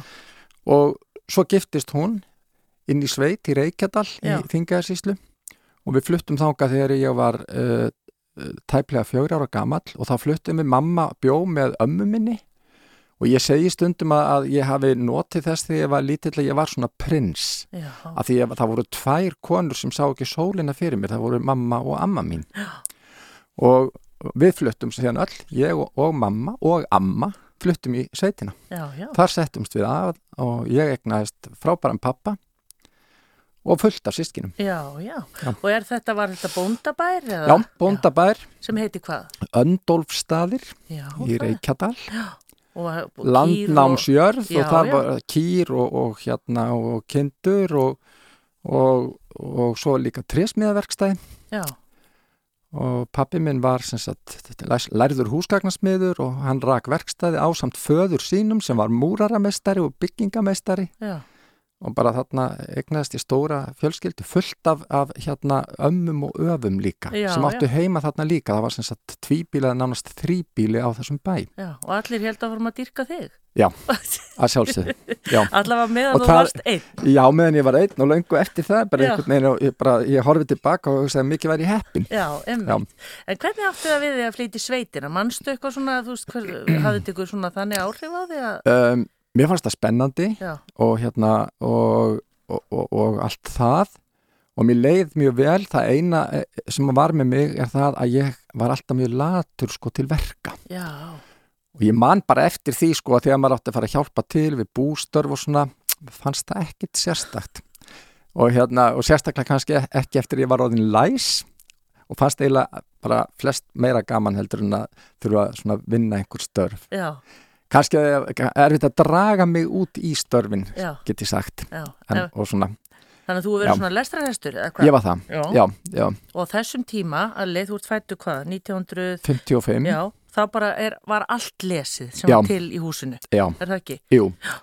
allt, allt mögulegt og, hérna, og það var alltaf það var til of lítið í rauninni sko, ég- bara af, af bókum ég las nánast allt sem ég komst yfir Já. bara frá því ég var, var læst þegar ég var bara svona 6-7 ára það var líka mikið lesið fyrir mig og, og sagðar sögur Já, Það var bara, og alls konar efni og það Það bara- skiptir máli. það hefur komið sér mjög vel Já. Já. Ertu að því ég sagði, að því þú sagðir áðan sko að þú hefur aðeins lesið í morgun og svona, nú er samkeppnin við alls konar sjónvars gláp og svona. Já, Hvernig er það með rithöfundin? Ertu, hérna, tekur þér alltaf tíma til að lesa? ég geri það Já, það er bara svo stór partur af því að vera skrifandi er að lesa Já. og bara eh, ég get ekki einhvern veginn ekki verið án þess ég er bara, nei, nei, nei og situr Það er þá bara- við borð og lest? það, nei, oft, oft, oftast liggi upp í sófa eða jafnvel eh, fleygi mér upp í rúm, það fyrir svolítið eftir í hvað ég er að lesa En sopnar En- það ekki? nei, nei, nei, nei, Nei, nei, nei, nei, nei. það er, það er, svona, það er í, alls konar aðferðir já, Já. einmitt. já, En hérna, hvernig var með skólagöngu í sveitinni? já ég, hérna eh, það var, var barnaskóli En það er svo langt síðan ég var í barnaskóla að, að í fyrstum sinn þegar ég var í svona yngstu bekkin, ég byrjaði átt, átt ára í skóla, Já, já, það þóttu nú ekki til að byrja fyrr sko nei, og þá var skóli aðra hvora viku, svo var maður semst fór í skólan eina viku og, þá var, og okkur var ekkið í skólan í, í sveit, krökkum og sveitinni og svo var maður heima aðra viku já, og mér fannst það svolítið leiðilegt já. af því mér fannst meira gaman í skólanum heldur en heima Og var lo- löng leið að fara það? ekki löngleið, nei, það, það eru svona þrýr kílómetrar þarna á laugum eða á litlu laugum þar sem barnaskólinn var Já, og svo fór ég í framhaldsskóla, í héraskóla og heimavist Á Þó- Laugum? þó- á laugum já, og það var, bara, það var góð tími líka já. En heima vist þurftum að þess eða það eru bara þrýr kilometrar á... Já, af því að á þessum árum sko, þa þá var yfirleitt ófært bara yfir veturinn svona meira og minna það var, veginni voru verri það var miklu meiri snjór Já. líka á, á þeim árum sko, þetta er á- á Hættið svo að kvarta. sjönda áratögnum það voru alltaf sko margra metra háir skablar og það var eitt af því sem að mér fannst ekki gaman ég er ekki trífin að snjó, ég er Nei. til dæmis ekki skíðamaður ég held að sé bara þetta að ég hef fengið nóg af snjó þe- í, í æsku og að þurfa að moka sko til þess að, að bíllinn heima kæmist sko stundum að heiman Já, og þá þurftum við að moka og moka sko marga klukkutíma stundum til þess að koma bílnum niður á veg einmitt. Þannig að- Þessu og svo sko veður minni manns er svo eitthvað gloppótt Já, að maður einhvern veginn man aldrei neitt en það var örgla þannig að svo finnst manni sumurinn, það var alltaf verið miklu betra veður þá þegar maður var lítill. já Ha, Ég er reyndar með blendnar til, ég, ég man líka eftir sko að það hafi ekki verið gott veður á sömurinn og hérna ég- af því ég er auðvitað alinn upp fyrir það að, að svona hásumarið fór í heiskap já, og það skipti miklu máli að, hérna, að það gengi hratt og vel en svo komuðu þetta þessi rigningardagar og heigið lág og hraktist og það var eiginlega ekkert gaman sko, nei, maður beigð eftir því að að geta sko klárað einmitt. Það Áttu bara- nokkuð, já, áttu nokkuð dagbökkur frá þessum tíma? Nei það á ég ekki, Nei, en ég man allt þú man, ertu Ég, með ég, ég, límheila. ég, ég, ég er mágætt minni sko, Já, já, svona, ég man margt það- vel sko. Já, frábært. En hérna þegar þú varst- ferði í sem sagt, framhaldsskóla, ertu þá eitthvað búin að hugsa hva, hvað þú ætlaðir að leggja fyrir þig? Já, og ég, ég get alveg sagt að sko, hérna, og, og ég er ekki að búa það til, semst að ég ákvað þegar ég var átt ára að það sem ég langaði mest til að gera væri í rauninni að fást við skriftir. Mér fannst það mest spennandi af öllu Já, og ég fór svona þess að, hérna, svona prófa mig áfram þegar ég bara, svona að, að búa til sögur og, og, og, og fleira þegar ég er bara krakki, sko, svona, eða um fermingaraldur kannski meira. Svo kannski svona var maður nú ekkert mjög einbyttur í því hvað maður vildi en það, ég vissi hins vegar að ég vildi eitt og það var að komast hérna sko söður til Reykjavíkur. Já. Ég var alveg harð ákveðin í því. Var þetta eitthvað og... lítið fyrir því þarna? Já og svona einhvern veginn, ég þurfti bara að komast burtu úr sveitinni Já, og hérna og sem betur fer þá hérna fekk maður bara að velja það. Fóreldra mínir reyndu nú svona penta beina mér að að öð, öðrum stöðum sko og fannst einhvern veginn svona, var einhvern veginn bara betra ef ég færi til í mentaskólan á Akureyri og kannski margir fóru þangað um, Nei, ég var alveg harð ákveðin Já. og ég fór svo langt frá því sem að svona venjan var að hérna því að, að hérna, ég hugsaði, ég ætla að fara í verslunarskólan já, Og mér langaði þangað, það voru tvær ástæður í fyrsta lagi svo að að það var hægt að taka sko próf þaðan eftir tvö ár, svona verslunapróf. En hins vegar var frábær kór í verslunaskólanum Já. sem að ég hafi séð í sjónvarpinu. Já. Og ég var búin að svona, hugsa að já, það er örglega frábært og gaman þar. Já, og það var mjög gaman. Já, en skemmtilegt. Þannig í Vestló fórstu? Já. Og tókstu meira en Vestlunabóð? Já, já, svo hélt, hélt ég áfram. Og í Kórnum? Og ég var- já, já, já, ég var í kórnum og leiklist og, og bara miklu félagsstarfi í Vestló. Já, Svo miklu að, að þegar ég var búinn þar þá eiginlega saknaði ég þess að vera ekki lengur. já, já. það er svona, flestir eru fegnir að vera búni með hérna, mentaskóla en ég var það eiginlega ekkert, ég hefði alveg getað hugsað mér að vera eitt ári í viðbót Já, einmitt. semst fymta árið hefði bara verið fín Já, og nú er þetta bara þrjú ár, þetta já, er all, ekki neitt, all, ég segi allt og stutt Já, allt og stutt, já. af því bara þetta eru svo frábæra ár en, einmitt. ég, en ég valdi máladild Já, sem var svona bara alveg gamla skólanum og hérna, mér varst mjög gaman í mörgum öðrum fögum já, og, og, og stundum segi ég líka ég grætti auðvitað mjög mikið á því sem ég vissi ekkit áður en ég fór í skólan, það var svona valið kannski svolítið á öðrum forsendum ég læraði vel þetta, kom sér mjög vel setna já, svo læraði ég bókald já, og það kom sér mjög vel setna líka fyrir máladeldamannin. já, Já, en Alli, hvar fórstu að búa? Ég meina, hvað, sveitast rákurinn á þessum tíma og Já. ekki nema hvað, 16 ára eða 15? ég var 17, Já, 17. Af, já, af því að í, á þeim tíma vorum við aðeins á eftir eh, maður tók, sko, ég tók landspróf 17 ára já, skólar út á landi voru ekki með alveg sama kerfið og í Reykjavík og við uppgötum það nú, já, ein, einhverju strákar og hugsaði bara af hverju við, sitjum við á eftir og allir hérna jafnaldrar okkar í höfuborginni er á undan okkur. já, Þannig að, að flestir sem ég lendi síðan í bekk með í, í hérna í Vestló eru ári yngri en ég. já, já, já. já. Það þýð, þýðir ekki að ég hafi verið neitt þroskaðri en þeir. Nei, einmitt, Samt. já, en hvar fórstu að búa? Ég fór að búa, ég var svo heppina að móðursýstir mín og hennar fjörskilda höfðu búið hérna í Reykjavík um lengi Já, og þa þar eignast ég eiginlega svona aðra fjölskyldu, það hefur verið mjög mikil e, samskipti á milli sýstrana, mömmu og, og, systum, og hen, systur hennar þannig að frændsískinni mín hafði verið í sveit heima hjá okkur og þannig að það var mjög einfalt já, og það, það bara, ég fór bara þangað inn á he heimili og, og var þar já, mín mentaskóla ár og voru þá vökunætur hjá þeim að býð eftir að Alli kemi Nei, heima nei, á böllunum nei, eða? nei, nei, nei, Ekkit vesen að þeir? Nei, nei, nei, nei, þau áttu þrjú börn og Já. sem voru á, á mínu reki sko, þannig að bara, nei, nei, nei, nei, það var aldrei neitt þannig Já, Ah. einmitt, og maður hugsa stundum um það í dag sko, að maður bara ég, held, ég hafði einhvern veginn, maður hugsaði aldrei um að foreldrar hefði áhyggjur af, af börnum, við vorum svona hálf fullorðin fannst okkur, já, já, já, einmitt, það voru aðeins breyst.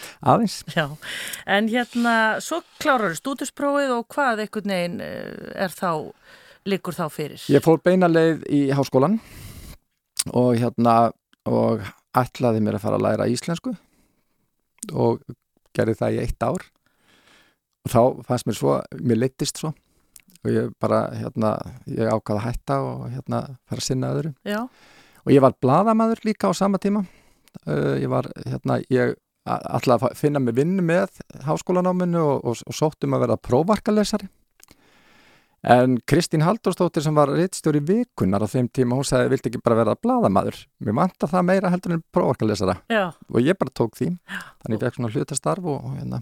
þannig ég prófaði það já, Ég komst fljótlega því að það var ekkert alveg það sem ég langaði, það var ágætt reynsla, Já. en það var ekki það sem ég ætlaði að gera. já, og þá hvað?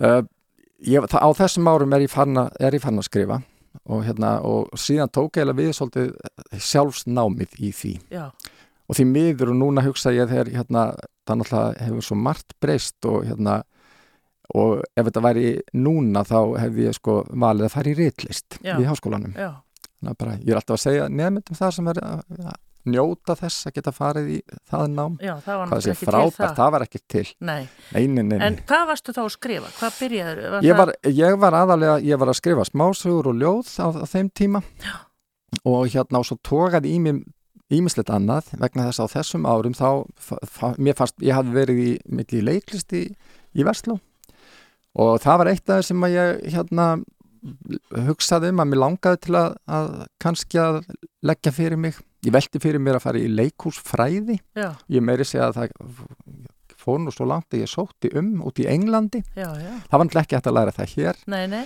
en svo einhvern veginn svona segi, nei, ég ætla kannski ekki að fara í það ég sótti um að komast inn í leiklistaskóla líka, líka á þessum tíma hér heima komst ekki inn en bara það var eiginlega bara held ég gæfa mín það Já. var bara, Já, þannig að þú Nefnilega. svona ég, var pröfaði að pr- ég, ímislegt. var, ég var að pröfa eitt og annað Já. ég, og, bara, og var sem sagt í þessu ég, var- jú, svo, fór ég, svo var ég í tónlistaskóla Já, ég var, ég var í söngnámi já, já. ég náði því að vera einn vetur hjá henni Göggu Lún já, til dæmis, Já, já, já. sem var a- ofboðslega góð reynsla Já, var það klassísku söngur? Já, það var sko, kennslan var þannig en hún var í raun og veru í grunninn var hún svona vistnasöngkona, hún var ljóðasöngkona af gamla skólanum og hún var orðin mjög fullorðin þegar ég var í tímum hjá henni ég held hún hafi verið að, hún hafi ekki bara verið að nálgast áttir Já, já, já.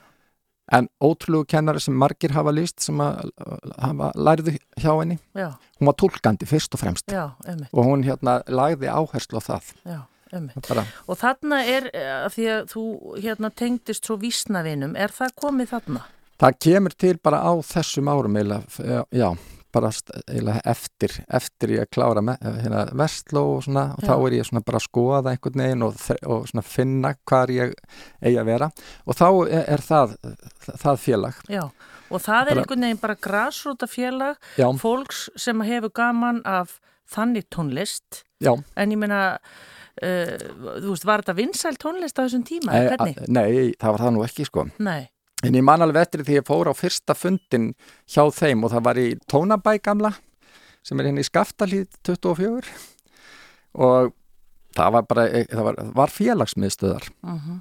og þar hafði félagið fengið inni og, hérna, og, og ég kom þangað og það var svona það var hétur bara fundur eða eitthvað svo leis og þá sátu þar svona tíu manns í ring og hérna og voru að spila hver fyrir annan og svona og ég datt svona inn í þetta já, og þarna var ég búin að vera ég hafði spilað á gítar svona, var- var bara sjálfmentaður í því og hérna sko það var eitt af því sem mig ég dreymdi um að hérna, ég kem frá heimili þar sem að var mikil tónlist Já. og hérna og stundum segi ég sko að ég ólst upp á kallakórsæfingum já, já, já, já. og hérna sem var mjög gaman þannig ég þekki eh, sko svona alla kallakórs tónlist svona sem að var sungin í gamla daga og, og ennþá en hún er ekkert mikið breyst en, Já. en hérna, já, já, ég ólst upp við hana já, já, satt og hlustaði á allar æfingar já, já. já, Hverjir eru á þessum tíma svona, hvað ég var að segja, svona vísna stjörnurnar á Íslandi? er, er, Er það Berg, Bergþóra? uh, Árna? Eh, nei, en henni kynntist ég þarna Já. en hún kemur aðeins setna inn já, já, og, og af mínum sko, þa þa- þarna var aðal, aðal manneskja sem að- svona, hafði einhvern veginn komið þessum vísnavinna félagi í gang var hún Hanni Júl já, sem að er sem sagt kona af íslensku bergi brotin móður hennar var íslensk Já. en hún átti danskan föður, ólst upp í Danmörku flutti til Íslands Já. og hún hafði auðvitað kynst þessu hérna í, á sínum heimaslóðum í bæði Danmörku og svo í Svíþjóð þar sem hún hafði dvalið, hún átti sænskan mann og hún svona kom þessu einhvern veginn í, í gang hér ásamt fleirum já, þarna voru Hjalti Jón Sveinsson sem að núna er skólaðastjóri já, og Gísli Helgason, flötuleikari og félagi minn já. Og úr þessu svona verður hljómsettin hálft í kvoru eða hvað? Hún sprettur upp úr þessum jarðvegi Já, nok nokkrum árum setna. já, og þá er Mér- allir bara komin í hljómsveit. Það var eiginlega bara óvart, sko. En ég kom með, eh, sko, ég hafi farið í mittiltíðinni, þá fór ég í mína fyrstu dvöl í útlöndum og það var á Orkneim Já, sem að, hérna, eh, ég hef líka sagt að ég veit ekkert af hverju ég fór þanga, ég bara var að fara út í heim og, og, og ég segi bara, sko, ég hef ekki hugmyndum, af hverju fór ég þangað, af hverju fór ég ekki til Parísar eða Rómar eða nei, Kaupmannahafnar eða orknei, já, Orkneyjar, enginn hafði farið þangað en ég fór þangað en þar kynntist ég alveg óvænt svona starfsemi, einmitt svona klúb sem að var svona þe- hérna vísna tónlistarklúbur eða þjóla tónlistarklúbur og ég kom heim alveg með hugmyndur um hvernig ætti að halda vísna kvöld á, hér á Íslandi og Mm. þannig byrjuðu eiginlega kvöldin á Hotel Borg og setna í þjóðleikúskjallarinn já, einmitt. þannig að já, Og það hefur svona aðeins, eða stundu verið reynt svona svolítið að endurvika það. Það er verið að endurvekja félagið núna, annað félag sem að bara, ég getum bara sagt að það er Er, fréttir. skúp, er skúpjarn í þættinu? Bara, Er, er, er, það ekki gamla því? Jú, frábært. Það það er vika síðan að ég satt á, á stoppfundi nýra samtaka sem heita Fólk Ís, Já, já. eða Ísfólki, getum Og- við sagt. Og hvað? Og það, er, það eru sa- ný samtök alþjóðu tónlistafólks. Já, já, Fólk sem að er með þe- þessa tónlist sem á sér rætur í þjóðlaga tónlistinni úr öllum áttum. já. Og er þetta hugsað sem líka tónleika vettvangur? Já, eða? já. Já, ég veit ekki, ég fagna Þú, þessu þú, mjög. þú getur mætt á þriðudagskvöldið er, svona, er einmitt opið kvöld þar sem er bara allir geta tróðið upp sem Já, koma og hvað bara er þetta? á hérna í kortlöðinni Já, sem já. er svona nýr staður fyrir Já. þannig að þetta er bara er að koma Heyrðu, aftur þetta, Já. þetta hljómar vel. Já, En hérna ís, sagður ís, þetta heitir í, Ísfólk ísfólk. Já, Já, Ísfólk Já, já. Já. Alli, heyrðuru, Jón Ólafs var, var með plötuna, hérna halvt í kóru plötuna, var, var með hérna, ég held að sé halvu mánuð síðan. Herru, það, er- það er rétt, en, Já. en, en ég hlustaði ekki á þáttin en ég er búin að, hérna, ég, ég er búin að hafa þetta bak við eigra þessi, ég er bara best að hérna, hlusta á hana þátt, ég er ekki búin að hlusta á hann, Nei. ég, ég á hann endi góða. Hann er alveg með vínil plötuna, sko, en, Já. en, en ég með þessi hljómsveit, hvað hva gáðuð út marga plötur? Við gáum bara út uh, tvær plöt, eða sko þrjár í raun og veru undir þessu nafni. Já, og þarna voru Eyjálfur Kristjánsson, Já, Ingi Gunnar, já, og Örvar Aðarstensson sem Já. leika bassa já. og Gísli Helgason já, og svo Bergþóra Árnundóttir og ég. já, já, já. Þetta byrjaði á því að við saminist eða sko, maður segi, get kannski sagt að svona fyrsti samstarfsmaður minn í þ- tó- tónlistarbransanum var Bergþóra Já. og Gísli bættist svo inn og við vorum svona, vorum eitthvað að þreyfa okkur áfram með að vera svona tríó og svo var, var búin til lítil samplata ekki lítil, stór samplata hjá, Já. hjá vísnavinum, það var svona eina hugmyndinu þetta var svona grassóta dæmi og allir hver og einn gatt komið með eitt eða tvö lög og, við, og það var farið í stúdíu, saminast inn í stúdíu og tekin upp plata sem hétt Heyrðu já. og svo þurfti að fylgja henni eftir til að selja hana og þá vorum við, fórum við í tónleikaferðala saman uh, uh, við, við héttum Trio Túkall, ég Bergþóra og Gísli Helgason og svo Texas Trioið sem voru st- strákarnir þrýr Eyjólfur, Ingikunnar og Örvar Já, já. og eftir þá ferð eða í þeirri ferð ákváðum við að við s- að hérna ætluðum að prófa að vera einhljómsveit Já, og það var hálft í kvorum já, og ég á sko meira þess að segja minningu bara úr grunnskóla, þá voru þið bara komið og spiluð fyrir okkur okkur kvöld, ég menn þið voruð að bara, það var bara heilmikið að gera hjá okkur. Já, við, ég held að það hafi til dæmis verið, það, það var góður tími þá, það, var ekki, það hafi ekki mikið gerst kannski í, þe- á, á þessum vettvangi og eh, við náðum einhvern veginn að samina svona fleiri en eitt. Ég var til dæmis sko, eh, þetta var vettvangu fyrir mig sem, sem ungtu ljóðskáld Já, emmi, því ég var að lesa upp úr ég var búin að gefa út held ég tvær eða þrjár, tvær ba- ljóðabækur sannilega og það var partur af, af, af dagskráni okkar Bergþóra var svo sem að var svona, hún var svolítið sjóð hún, ha- hún hafði gefið út samt bara eina plötu nokkrum árum áður já, og hérna sem var svona svolítið poppuð plata en þó að það væri margir textar við ljóð eftir stein steinar emmi, Gísli hafi verið svona unglingastjarnar með bróður sínum og það var, það, þeir, voru, þeir ferðuðust um landi sem unglingar og spiluðu á blokkflutu og orgel. já, Þannig að þetta var svona... Og við- Eyjólfur, Og svo, svo eða? komu þeir og, já, og þeir voru svona unglingar. Já. Og, ma- og, já, já. Og hérna, en það, við reyndum að samina þetta allt saman Já. inn, inn í ein- einum pakka já, og, og, og tókst það. já, og það er Og- ekkert langt síðan að þið spiluðu, voruð ekki með tónleika, það er ekkert rosalega langt síðan. Uh, Haltu hvor- ekki, ekki þessi gerð. Nei, vegna þess að svo þróast þessi hljómsveit áfram og hérna við, við gerðum, við tókum upp plötu fyrir menningar og fræðslusamband alþýðu og það kom til vegna þess að við Bergþóru höfðum oft tróðið upp á vegum þeirra með svona baráttusöngva Já. og alls konar og við vorum svolítið, komum svolítið þaðan og uh, svo fengum við bara tilbúðum hvort við vildum gera svona baráttusöngva plötu nýja með nýjum söngum mm og það var svona, það var náttúrulega mjög gott fyrir okkur já, og við fengið í kjölfæri ferðumst við um mest allt landið já, og svo tókum við upp þessa plötu sem að er, var algjörlega frumsamið efni það var, það, það var aðeins frumsamið efni á fyrir plötunni en svo fórum við alveg út í það á setni plötunni já. Og er þessari sem að, sem, að, sem að Jón var að fjalla um í Já, þættinum og sem viltu heitir, gjöra svo vel að hlusta á sem hann. heitir Áfram Já, einmitt. Já. Og það fyrir þá sem að, hérna, heyrið ekki í Jóni og uh, það var það Palli Hall og, og hérna, var það, býtu? Palli Halvara af fyrir plötunni, verkliðisplötunni en, en, en af setni plötunni það hérna, Vináta heitir já eitthvað. við nátt okkar Já. Ah, eh, heitir eitt og sitt hvað er bógin heitir Einmitt. lag sem var vinsalt sem að ég hafði samið og þetta var, þetta var svona blanda af og gísli átti frábær flöytulög Já, líka inn á þessari plötu þannig að við, þegar við saminu við vorum líka með sko leikinlög það, Já. það bara því það var hans svona þannig að bara, ég held að við höfum fengið að njóta okkur sko, það, á, þegar við gerum þá plötu þá er Bergþóra hætt Já. hún var í rauninni með, með á, á fyrri plötun okkar en hún var, byrjaði sín sóloferil einmitt sama ár gæti ég trú á þessi plata já, já, já. þannig að þá, þá byrjar hennar sóloferil og, og við erum þarna En allir í vísnumænum. já, já, við, já, já, já það, var, það, það, var, það var bara partur af svona okkar vettvangi Já, einmitt. það var bara, já, já Já, En svo breytist þetta svona og, hérna, og ég kúpla mig síðan út úr að því að, að svo hafðu sömur áhuga á að spila þa þa þarna var að myndast vettvangu til að geta spilað á krám og svona einmitt.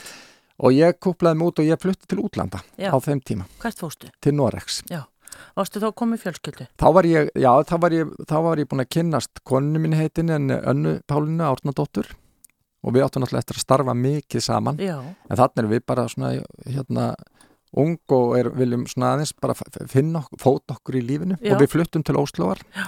ég þekkti fólk þar í, í tónlistabransanum og hérna og við fluttum þangað og áttum heimaðar í, á annað ár já.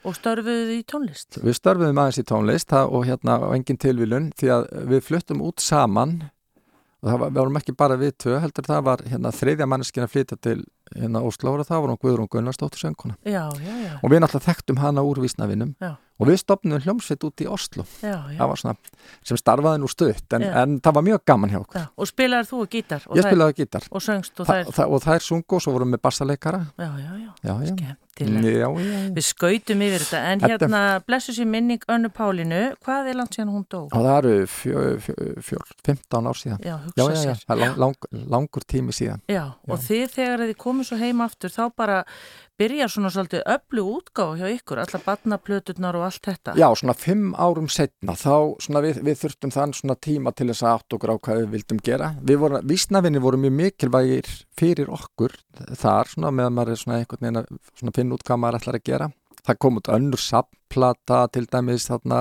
hjá vísnavinum og við vorum bæði starfandi svona sitt á hvað ég vildi reyndum að vera ekki saman í, endilega inn í stjórninni Nei, en við vorum mjög virk bæði Já. í, í þeim efnum og svo byrjum við í rauninu upp úr 90 þá svona, fer, svona förum við að, að hérna, hugsa hvað, hvað við viljum gera já, og þá eiginlega kemur og þetta eru plötur sem að sko, eru þær ekki bara ennþá gríðarlega vinsalar eins og, hvað er ekki, bullum, já, hérna berja svo á tánum Já, og bölltröld sem já. að voru svona, hérna, jú, jú og bara, og, og það er náttúrulega ski- það var skipt mjög miklu máli af því að það lögðu svona grunnin að útgáfu fyrirtækinu sem við stopnuðum Já. 92 því að þá var engin, það var engin sem vildi endilega gefa út einhverju svona plötu með einhverju fólki sem var bara með eitthvað svona frumsamið efni eða Mm. eitthvað svona norrænar vísur, Nei, það var ekkit bara við, gera þetta við sjálf? gerum bara sjálf Já, Já, og er og það dimma? þá stopnaði ég útgáfi fyrirtækið á en ég sem svona stóð meira fyrir því af því ég vildi líka gefa út hérna bækur Já, og ég segi stundum að já, já, ég vissi svo sem ekkert hvað ég var að gera mér langaði til að gefa út þitt ljóð af því það er svona einn þátturinn í, í mínum höfundaferli og þannig að dimma byrjaði og gaf út tvær ljóðabækur aðra frumsamda eftir mig og hitt, og hitt voru þýðingar mínar og svo kom plata og þetta lagði grunnina stórveldi dimmu Ég sá hérna, þú sendið mér hérna listan, þetta er Já. ekki smá. Hefur þá í rauninni, hefur þú gefið út allt sem að þú hefur tekið þátt í sjálfur? Nei. Nei. Nei, nei, nei. Og það var ekki, eh, það var ekki meiningin í byrjun og ég var með útgefanda bókonum mínum þegar þetta var svona og allt það og hafði gefið út hjá tveimur eh, ólíkum útgefendum og ég var ekkert með það í huga og ætlaði mér ekkert að fara endilega þá leið. En svona löngu setna, sko, svo liðu árin og, og svo liðu og ég var svona, við vorum í tónlistinni og svona óvart á einhvern veginn svo, svo kynntist maður kannski einhverjum eins og til dæmis Gunnari Gunnarsinni píanuleikar og, og organista Já. og ég segi stundum við um einhvern veginn, hon, okkur var bent á hann Já, norður á Akureyri og þar var náttúrulega bara gimstitt falinn og þegar hann kom svo flutti til Reykjavíkur þá var hann okkar einn af okkar helstu samstarfsmönnum já, einmitt. og bara skipti okkur miklu máli Já, en svo hefur, hefur verið að gefa út bara til dæmis með öðrum tónlistamennum eins og Svavari Knúti Já, já. og, og fleirum og fleirum. Já, þetta fór að vinda upp á sig og sérstaklega bara á sko eftir kannski uh, uh, kannski um og eftir 2005. Já.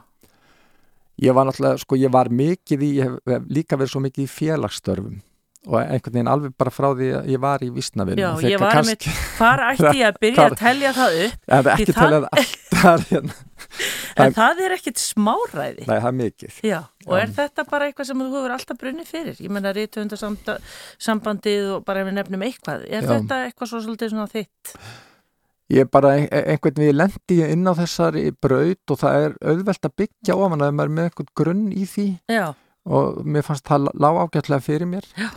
og já, og þá einhvern veginn bara svona lendi ég inn á þetta var svona partur af því sem að mér fannst gaman að gera líka já, og það er náttúrulega pínlítið fyndið þegar maður hugsaður um það að ég var ég var í áratug, þá var ég framkvæmdastjóri hjá félagi tónskálda og textahöfunda og hérna, ég segi stundum sko, þegar ég þegar ég egnaðist mín fyrstu börn þá hætti ég að stunda fasta vinnu til þess að, get, til þess að geta bara verið með þeim já, ég segi það var ekki alveg það, mér langaði bara til þess að vin- vera frílans já, á eigin vegum og svo þurfti maður að finna sér einhver, einhver hlutastarf og þá einhvern datt ég inn í það, það starf og svo þegar að ég er búin að vera þar í tíu ár og, og ég er svona svolítið, mér finnst gaman að endun ég að breyta aðeins til í allavega á, á svona sömum sviðum Já. að þá er, er farið að þrista á mig að, að hérna, taka við og verða formaður í tvöndasambandsins já. Ég hafði setið í stjórnar endar sem ungur maður, bara í stuttan tíma. En Og áttu ég- þið á þetta vel við þig? sem Það á sagt? vel við mig, Já. já. já, En svo er það kannski svolítið fyndið að ég svo eftir það, eftir ég var búin að sinna því starfi sem ég gerði í langa tíma líka í, í, í átta ár sem er, ég held, það verið engi setið lengur sem formaður þar. Þegar ég var búin að því, þá allt í nú gæti farið að einbytta mér að því að verða bókaútgefandi Já, og þá er ég komin alveg hinum megin við borðið og ég reyni alltaf að, að einhvern veginn að samþætta þessi og að skilja sko sjónarmið beggja og ég hef sem sagt og svo hef ég líka verið og í tónlistin er það eiginlega það sama að ég að hef bæði verið sem sagt að gefa út tónlist en ég er alltaf samt höfundurinn og, og ég hef það alltaf að leiðaljósa einhvern veginn, já. það, mér finnst það skipta máli Já, einmitt. En hérna, þú talar um börnið þín, segði mér eins frá fjölskyldinni þín. Við töluðum um Önnu Pálínu, blessu Já. sem minni kannar. Já, Þið eignuðust, við eign- eignuðumst þrjú börn og er þetta orðið rík fullorðið fólk? Já, já, þetta er vel f- fólk sem er bara hérna, stendur á eigin fótum og er hérna, já, já, Já, dóttir þín er sönguna. er já, ekki? já, hún fetar í fótspor mín og, og móðu sinnar, Já, hún já, já, heitir og aftur, hún heitir Þorgerður Ása. og er hún í Vísna? Hún, hún, er, að- hún fór meira að segja í nám í, í vísnatónlistinni Já, já, og hérna í- til Svíþjóðar og í skóla þar sem hún Hanni Júl sem stopnaði vísnavinn á Íslandi, hún var skólastjóri þar, já, já, stýrði þeirri deild í, í líðháskóla. já, Þannig að- að hún var svona á þeim, á þeirri línu. já, Svo í strák sem er, sem er eldri, hann er líki tónlist, hann er í raftónlist já, já, þannig að, og svona, þau- já, já, þau bara þau- þau voru, þeim var náttúrulega þrælað út í útgáfyrirtækinu, þannig að þau eru alin upp við svona allt þetta í kringum það líka. setja diskana í... Segir það stundum í gríni, sko, en bara ólist upp með því að, að sjálfsagt mála að, að hérna, það var alltaf einhvern veginn verið að bjástra við tónlist. Já, og svo eigið, og svo Og, yngsti, og, og svo, og, og svo e, og strák sem að heitir Álgrímur og er hann í tónlist líka? uh, lítið en hann, hann getur alveg sungið og hann bara já já og allt það sko. Já. Já, já. Og konaðin í dag, já það er hún Jóhanna Björk Guðjónsdóttir og er hún í tónlist? hún, er, hún syngur í kór Já, já, Já, já, já, já, og, hérna, og við höfum reynda tróðið upp saman einu sinni eða tvisar og hún er frönskukennari og þýðandi já, já, þannig að hérna, um hvað er nú við erum rætt á ykkar heimili? Já, þú getur nú rétt ímyndaðir hvað það hérna, gæti verið sko Já, já. já, og hún á tvö og hún, hún á tvö börn og, og, og ég segist, við, við saman við hérna, hérna ég fjekk þau í kaupæti með henni Já, frábært. Já, já, já, og, og þau, þau eru bæði í háskólanámi og hérna bara búa he- heima hjá okkur Já, það er bara það er slett. Já, já, já, já. En En, s- en já. ég, svo, svo er bara kannski gaman að því að ættum eiginlega að tala aðeins um þetta fyrirtæki með dimmu sem Já. að, að- átti alltaf að vera svo lítið en svo st- hefur það stækkað og ég hef verið að segja í gríni sko að þetta var, það er, ung, er unglingurinn sem að komst ekki heiman og, og hérna en núna hillir undir það Já, þannig að- að þið vilt ekki fá svona Jú. fregnir Jú. að, að hérna ég er búin að vera að leita logandi ljósi að einhverju sem hendar mér að því að ég vildi nú eiginlega helst ekki að, að hérna að þetta litla fyrirtæki væri alltaf sko heima og, og kæmist ekki að heiman Mm. en núna mun það komast að heiman bara í- eftir nokkra daga Og sem sagt, það fa- ertu þá bara fann að reyka skrifstu út í já, bæ? já, Já, það, það, það, það, þau, þau tímamót eru núna hjá mér já, já, já, já, ég laka mikið til sko já, það er ekki. en svo ef, maður- ef að, hérna, ég sé það líka fyrir mér ef, að- ef, að- það er ekki alltaf stundum koma börn heim aftur sko já, það, já, er- já, það er, það já. er þannig, þetta er bara svo úlingurinn. Já, já, já, En allir bara aðeins áðurum við hérna hættum, uh, það að vera í svona útgáfu eins og þetta meina, er fólk að kaupa geisladiska til dæmis? já. Það er, Það, það er og hérna merkilegt nokka að hérna þá, þá gengur það nú ennþá en auðvitað mikil breyting Já. af því að tæknin hefur einhvern veginn bara breyst og margir hlusta ekki eða segjast ekki hlusta á geisladiska. já, Ég segi hins vegar á móti að allir sem hafa áhuga á tónlist, já, svona bara alvöru áhuga, þeir verða eiginlega að hugsa um það að eiga góðar græjur og það er nú eiginlega fátt sem er hérna hendugra og betra heldur en geisladiskurinn. já, Ég get ekki hugsað mér að eiga ekki geislaspilara nei, og ég, vei, og, og ég held að við höfum verið svo eh, einhvern veginn fljót og viljum einhvern veginn vera svona snögga til einhver okkur nýjungar Íslendingar og ég man náttúrulega svo vel þegar að sko, þegar að hérna vínilplöturnar hörfu bara á hálfu ári var þeim bara sópað burt og bara hérna allt í hennu voru það bara dottnar út já, það gerist mjög snögt og það hefur gerst svolítið hratt líka með geisladiskana að því sem komu vínilplöturnar aftur tilbaka já, og hérna fyrir útgefandan er það svona kannski svolítið þungbært, þær eru erfiðir að sko til dæmis að ferðast með þær já, af því að mjög mikið, það selst, tónlist selst á tónleikum, já, já, þegar að tónlistamenninni koma, og það hefur alltaf verið þannig allavega í, í mínu lífi sko að við ferðumst sko með kassana með okkur af, ví- af vínilplötunum í gamla daga, vissnavinir og hálft í kvoru um, um landið og þannig var sko stór partur af sölunni já, og þetta er ennþá þannig Já. og það er ansið mikið erfiðara að ferðast með þessar hérna plöturnar já, það eru einmitt, bara, eru þannig vara, geisladiskarnir mjög hendugir, já, en ég ætlaði að segja þér að, sem sagt, að til dæmis að salan í Evróp eins og í Þýskalandi það er bara mjög fín sala í geisladiskum þar og, og fyrir tíu dögum síðan hafði sambandi eh, við með dreifingaraðili frá Japan og sagði bara hérna við, bara, við það sem við seljum alveg geisladiska það er bara já, já, að því maður alltaf svona, já, menn er ekki- allir hættir Já. nei, það- menn er ekki hættir nei, þetta Nei. er nefnilega, ég hlusta mjög mikið í bílnum til já, dæmis, já, finnst það þægilegt? já, Já, um, heyrðu, en hérna, uh, eitt líka, hvaða þegar þú þýðir, til dæmis ljóðaða bækur, já úr hvaða tungumáli ertu að þýða? Norðurlandamálum Já. og ensku Já. stundum hefur ég meiri segja þýtt úr málum sem ég kann ekki en ég get, ef, get tilenga mér, ég lærði náttúrulega frönsku í mentaskóla, Já, frönsku mælandi konu við hliðin á mér það getur svona, ég hef, ég hef þýtt texta úr hérna, söng, sérstaklega söngtexta já,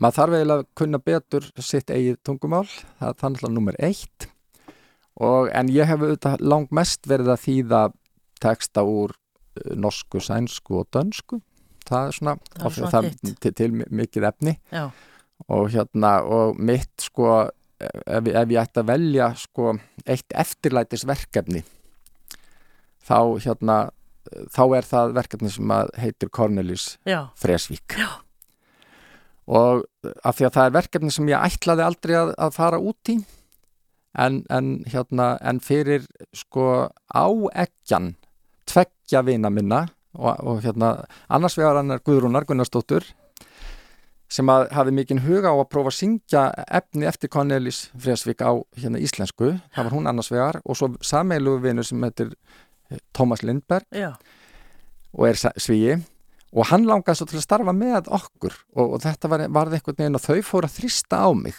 og, segja bara, get, þú, og ég fjálst á að prófa og eh, ég var samt alltaf búin að hugsa að þetta, er, þetta eru flóknir tekstar margir þekkja þá bara í, í flutningi höfundarins og einhvern veginn er þetta ekki bara einhvern veginn er þetta ekki ókleift og svo byrjaði ég Mm. og þýtti tvo teksta og þau hérna prófuðu þe- þetta efni og þetta er fyrir rúmum áratug síðan Mm. og við urðum sammála um að þetta gæti gengið já, og við ák- settumst niður og ég sagði bara ég, skal, ég ger mitt besta og svo settist ég niður markvist til þess að þýða og við völdum lög sem okkur langaði til þess að við væri til á íslensku mhm, og síðan vatt þetta verkefni upp á sig já, og varð einhvern veginn bara alveg ótrúlegt verkefni Já. og ég hérna og ég bara einhvern veginn fór í einhvern gýr og gekk vel já, allt í einu að eigin mati og það þarf að vera þannig, maður þarf að finna sig í verkefninu já. Og veistu hvað þú ert búin að þýða marga texta eftir Cornelis? allir sé ekki f- 15 eitthvað svo leiðis Já. við gerðum svo plötu Já. og svo var, var, við urðum við náttúrulega að fara og koma plötunni til fólksins Já. og, og fórum hálf ringum landið og heldum fjölda tónleika mjög gaman vorum með bassaleikar á plötunni sem var sko heimsfrægur jazzbassaleikari Já, sem já. kom svona upp í hendurnar á okkur af því að hann var verkefnulegs og átti batna á leikskóla með hérna með nikkelhörpuleikaranum sem kom frá Svíþjóð til að spila með okkur Já. þetta varð eiginlega svona ævintýri Já, já, já. Já. og gaman að tala um það núna af því að við ætlum nú að halda eina tónleika núna bara Já. á næstunni sko Segðu má, mér má að ekki aðeins segja frá því það má alveg segja, sko, Já. útvarp er bara Já. þannig að við verðum að segja frá hlutunum, bara Já, svona já. rétt í lokin. Áður en við ég nefnilega valdi hérna eitt lag sem heitir Morgun Glenna. Já, Uh, hver var þessi kall? hann var náttúrulega var, er, er eitt mesta sko undur vísnatónlistarinnar á Norðurlöndum og hann, hann fættist í Hollandi og hérna í, á, rétt fyrir stríð Já, og svo flyst hann til með foreldri sinni, þau eru hálfgett flótta fólk, flytast til Svíþjóður af því að Svíþjóð var góðsenn land á þeim tíma og þá er hann 12 ára gamall eða á 12 árinu og svo þegar hann eh, sko kemst þar inn í tungumálið og svona bara sem unglingur, hann er ótrúlegum tökum á sænsku bara á unga aldri og hann dreymir um að verða ljóðskáld og bladamaður Mm. og svo verður hann vísnasöngvari af því að hann er með frábæra rödd og lærir á gítar og hann sko slæri eiginlega í gegn með fyrstu plötinu sinni, 64 já, og verður síðan á, á nokkrum bara fáeinum árum kunni sagt að þetta hafi tekið það kannski svona fimm ára að slá í gegn og ég var einmitt í gær þá var ég að fara yfir sögunans af því ég ætla að segja hana á tónleikonum í salnum á Eh. næsta lögadag já, þá ætti hann að rifja hana upp þó ég hafi sagt hana mjög oft fyrir áratug þá hérna segirlega hans að rifja þetta upp og þá allt innu hugsaði ég, já, já, já þegar hann gaf út þriðju plötuna sína og var orðin mjög vinsall í Svíþjóð þá átt hann eftir að sko að svona vinna sér land í Danmörk og Noregi, Já. það voru margir fattin að hlusta á hann já, en ég held að það hafi verið þriðja platan eða fjórða platan sem seldist í forsölu þegar hann var kynnt í Danmörku í 30.000 eintökum áður en hún kom út já. Þetta var hér. þá. Þannig að hann var, hann var geysi vinsæll, svakalega áhrifa mikill söngvari, hann tók hefðina, sænsku hefðina sem að- í vísnatónlistinni sem er nú mjög merkileg og hérna við vitum náttúrulega að svíjar eru hérna fjölmennasta þjóðin og þeir eru- þeir eru mest, mestur og bestir í mörgu og, þa- og í þessu er þeir það vissulega bara mjög marg að mörgu leiti Mhm. og hann kemur þarna bara og hann verður s- svakalega stórt númer en svo átt hann ofbóðslega ævintýra ríka ævi Já, var, var hann Og- ekki kvenna, bósi og... ég hef ekki segja hann, að- ég, sko ég myndi ka- orða að jú, hann var kvennabós en hann var líka kvennagull Já, þannig og af hérna því hann var ekkit sérstaklega sætur eða hvað. já, hann, hafði, hann hafði eitthvað ótrúlegan sjarma en við hittum hann Já. við, við Guðrún þegar við vorum að- í hljómsveitinni sem hefði stopnum í Noregi þá erum við beðinum að, að hérna, koma fram á hátíði í Finnlandi og þá hittum við hann Já, En þá er það sorglega að, að, að hann var, okkur fannst hann vera alltaf gammal kall, sko. Hann var, hann var 47 ára Vá. þegar við hittum hann, en tveimur ára setna lest hann að því hann var búin að lifa mjög hratt já. og hérna einhvern veginn, en- en búin að komast yfir ótrúlega hluti og bara, já, já, og hann stendur ennþá bara, sko, sem einn af merkustu tónlistamönnum svíja. já. Það er bara, það er bara algjörlega ótrúlegt, sko. Já, Alli, við verðum að stoppa hér svo ég ná að spila lagið. Já, ég- Takk fyrir komin, þú voru bara að koma aftur svo að því það er svo margt annað sem ég hefði getað að tala við þig. Ég var nefnilega einmitt að hugsa um það hvernig þú gætir tala við mig bara í, hérna, í hálftíma eða þrjúkortir og og hérna um það sem að þyrfti fimm tíma til þess að svona bara rétt að tæpa Já, á. við gerum bara svona þáttaröð. er það ekki? Herðið, en við skulum heyra hérna Gurnu Gunnarsdóttur syngja Morgunglennu eftir uh, lagið er auðvitað, þetta er eftir hérna. Bæði lag og texti eftir Cornelis Já, og textin, Textin textin er- þýttur af þér. Já. Og hvenær eru tónleikanir? Á, Þe- Þeir, eru- þeir eru næstkomandi lögardag í salnum um kvöldið, bara klukkan 8 um kvöldið Já. og ennþá hægt að fá með það, fá Já, örfá örfá. Já, Takk fyrir komuna, aðalstinn Takk fyrir mig. Ásberg Sigursson.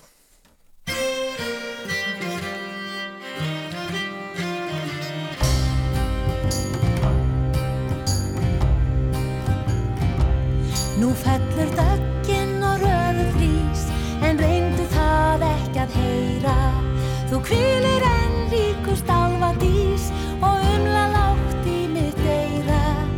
Svaraði í alvöru, segir þú Og syngur glaðlegum tröllatrú Þú kannt en vilt ekki velja Í værð og sælu að dvelja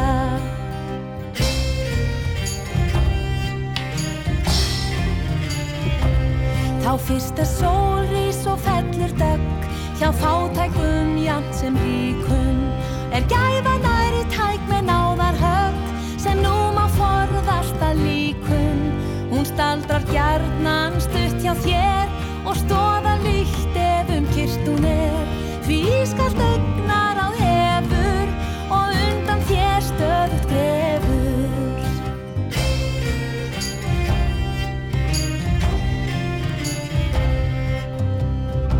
Svo fellur dögginn og drýpur hljóð af deigu grasi og blómi og brúði lík byrtist sólin rjóð þótt brúðar sálmur ei hljómi en vita skaltuð að vina mín að vist er hamingjan döðlegt grín sem leika við sig oft lætur er ljúf sem vatnið um nætur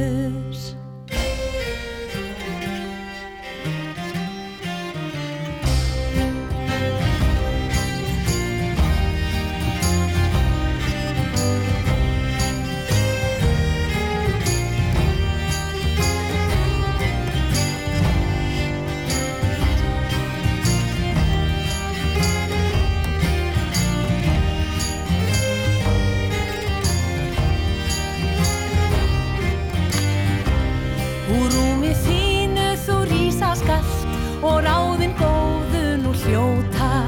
Því eða vín er ei öllum fall, þess á með varúðan njóta.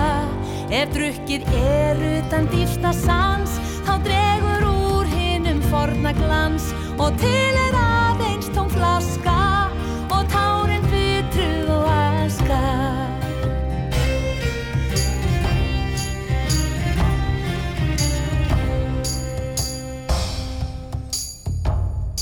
Þetta er Guðrún Gunnarsdóttir að syngja hérna morgunglennu og þetta verður flutt á tónleikum í salnum í Kópói. Gaman að tala.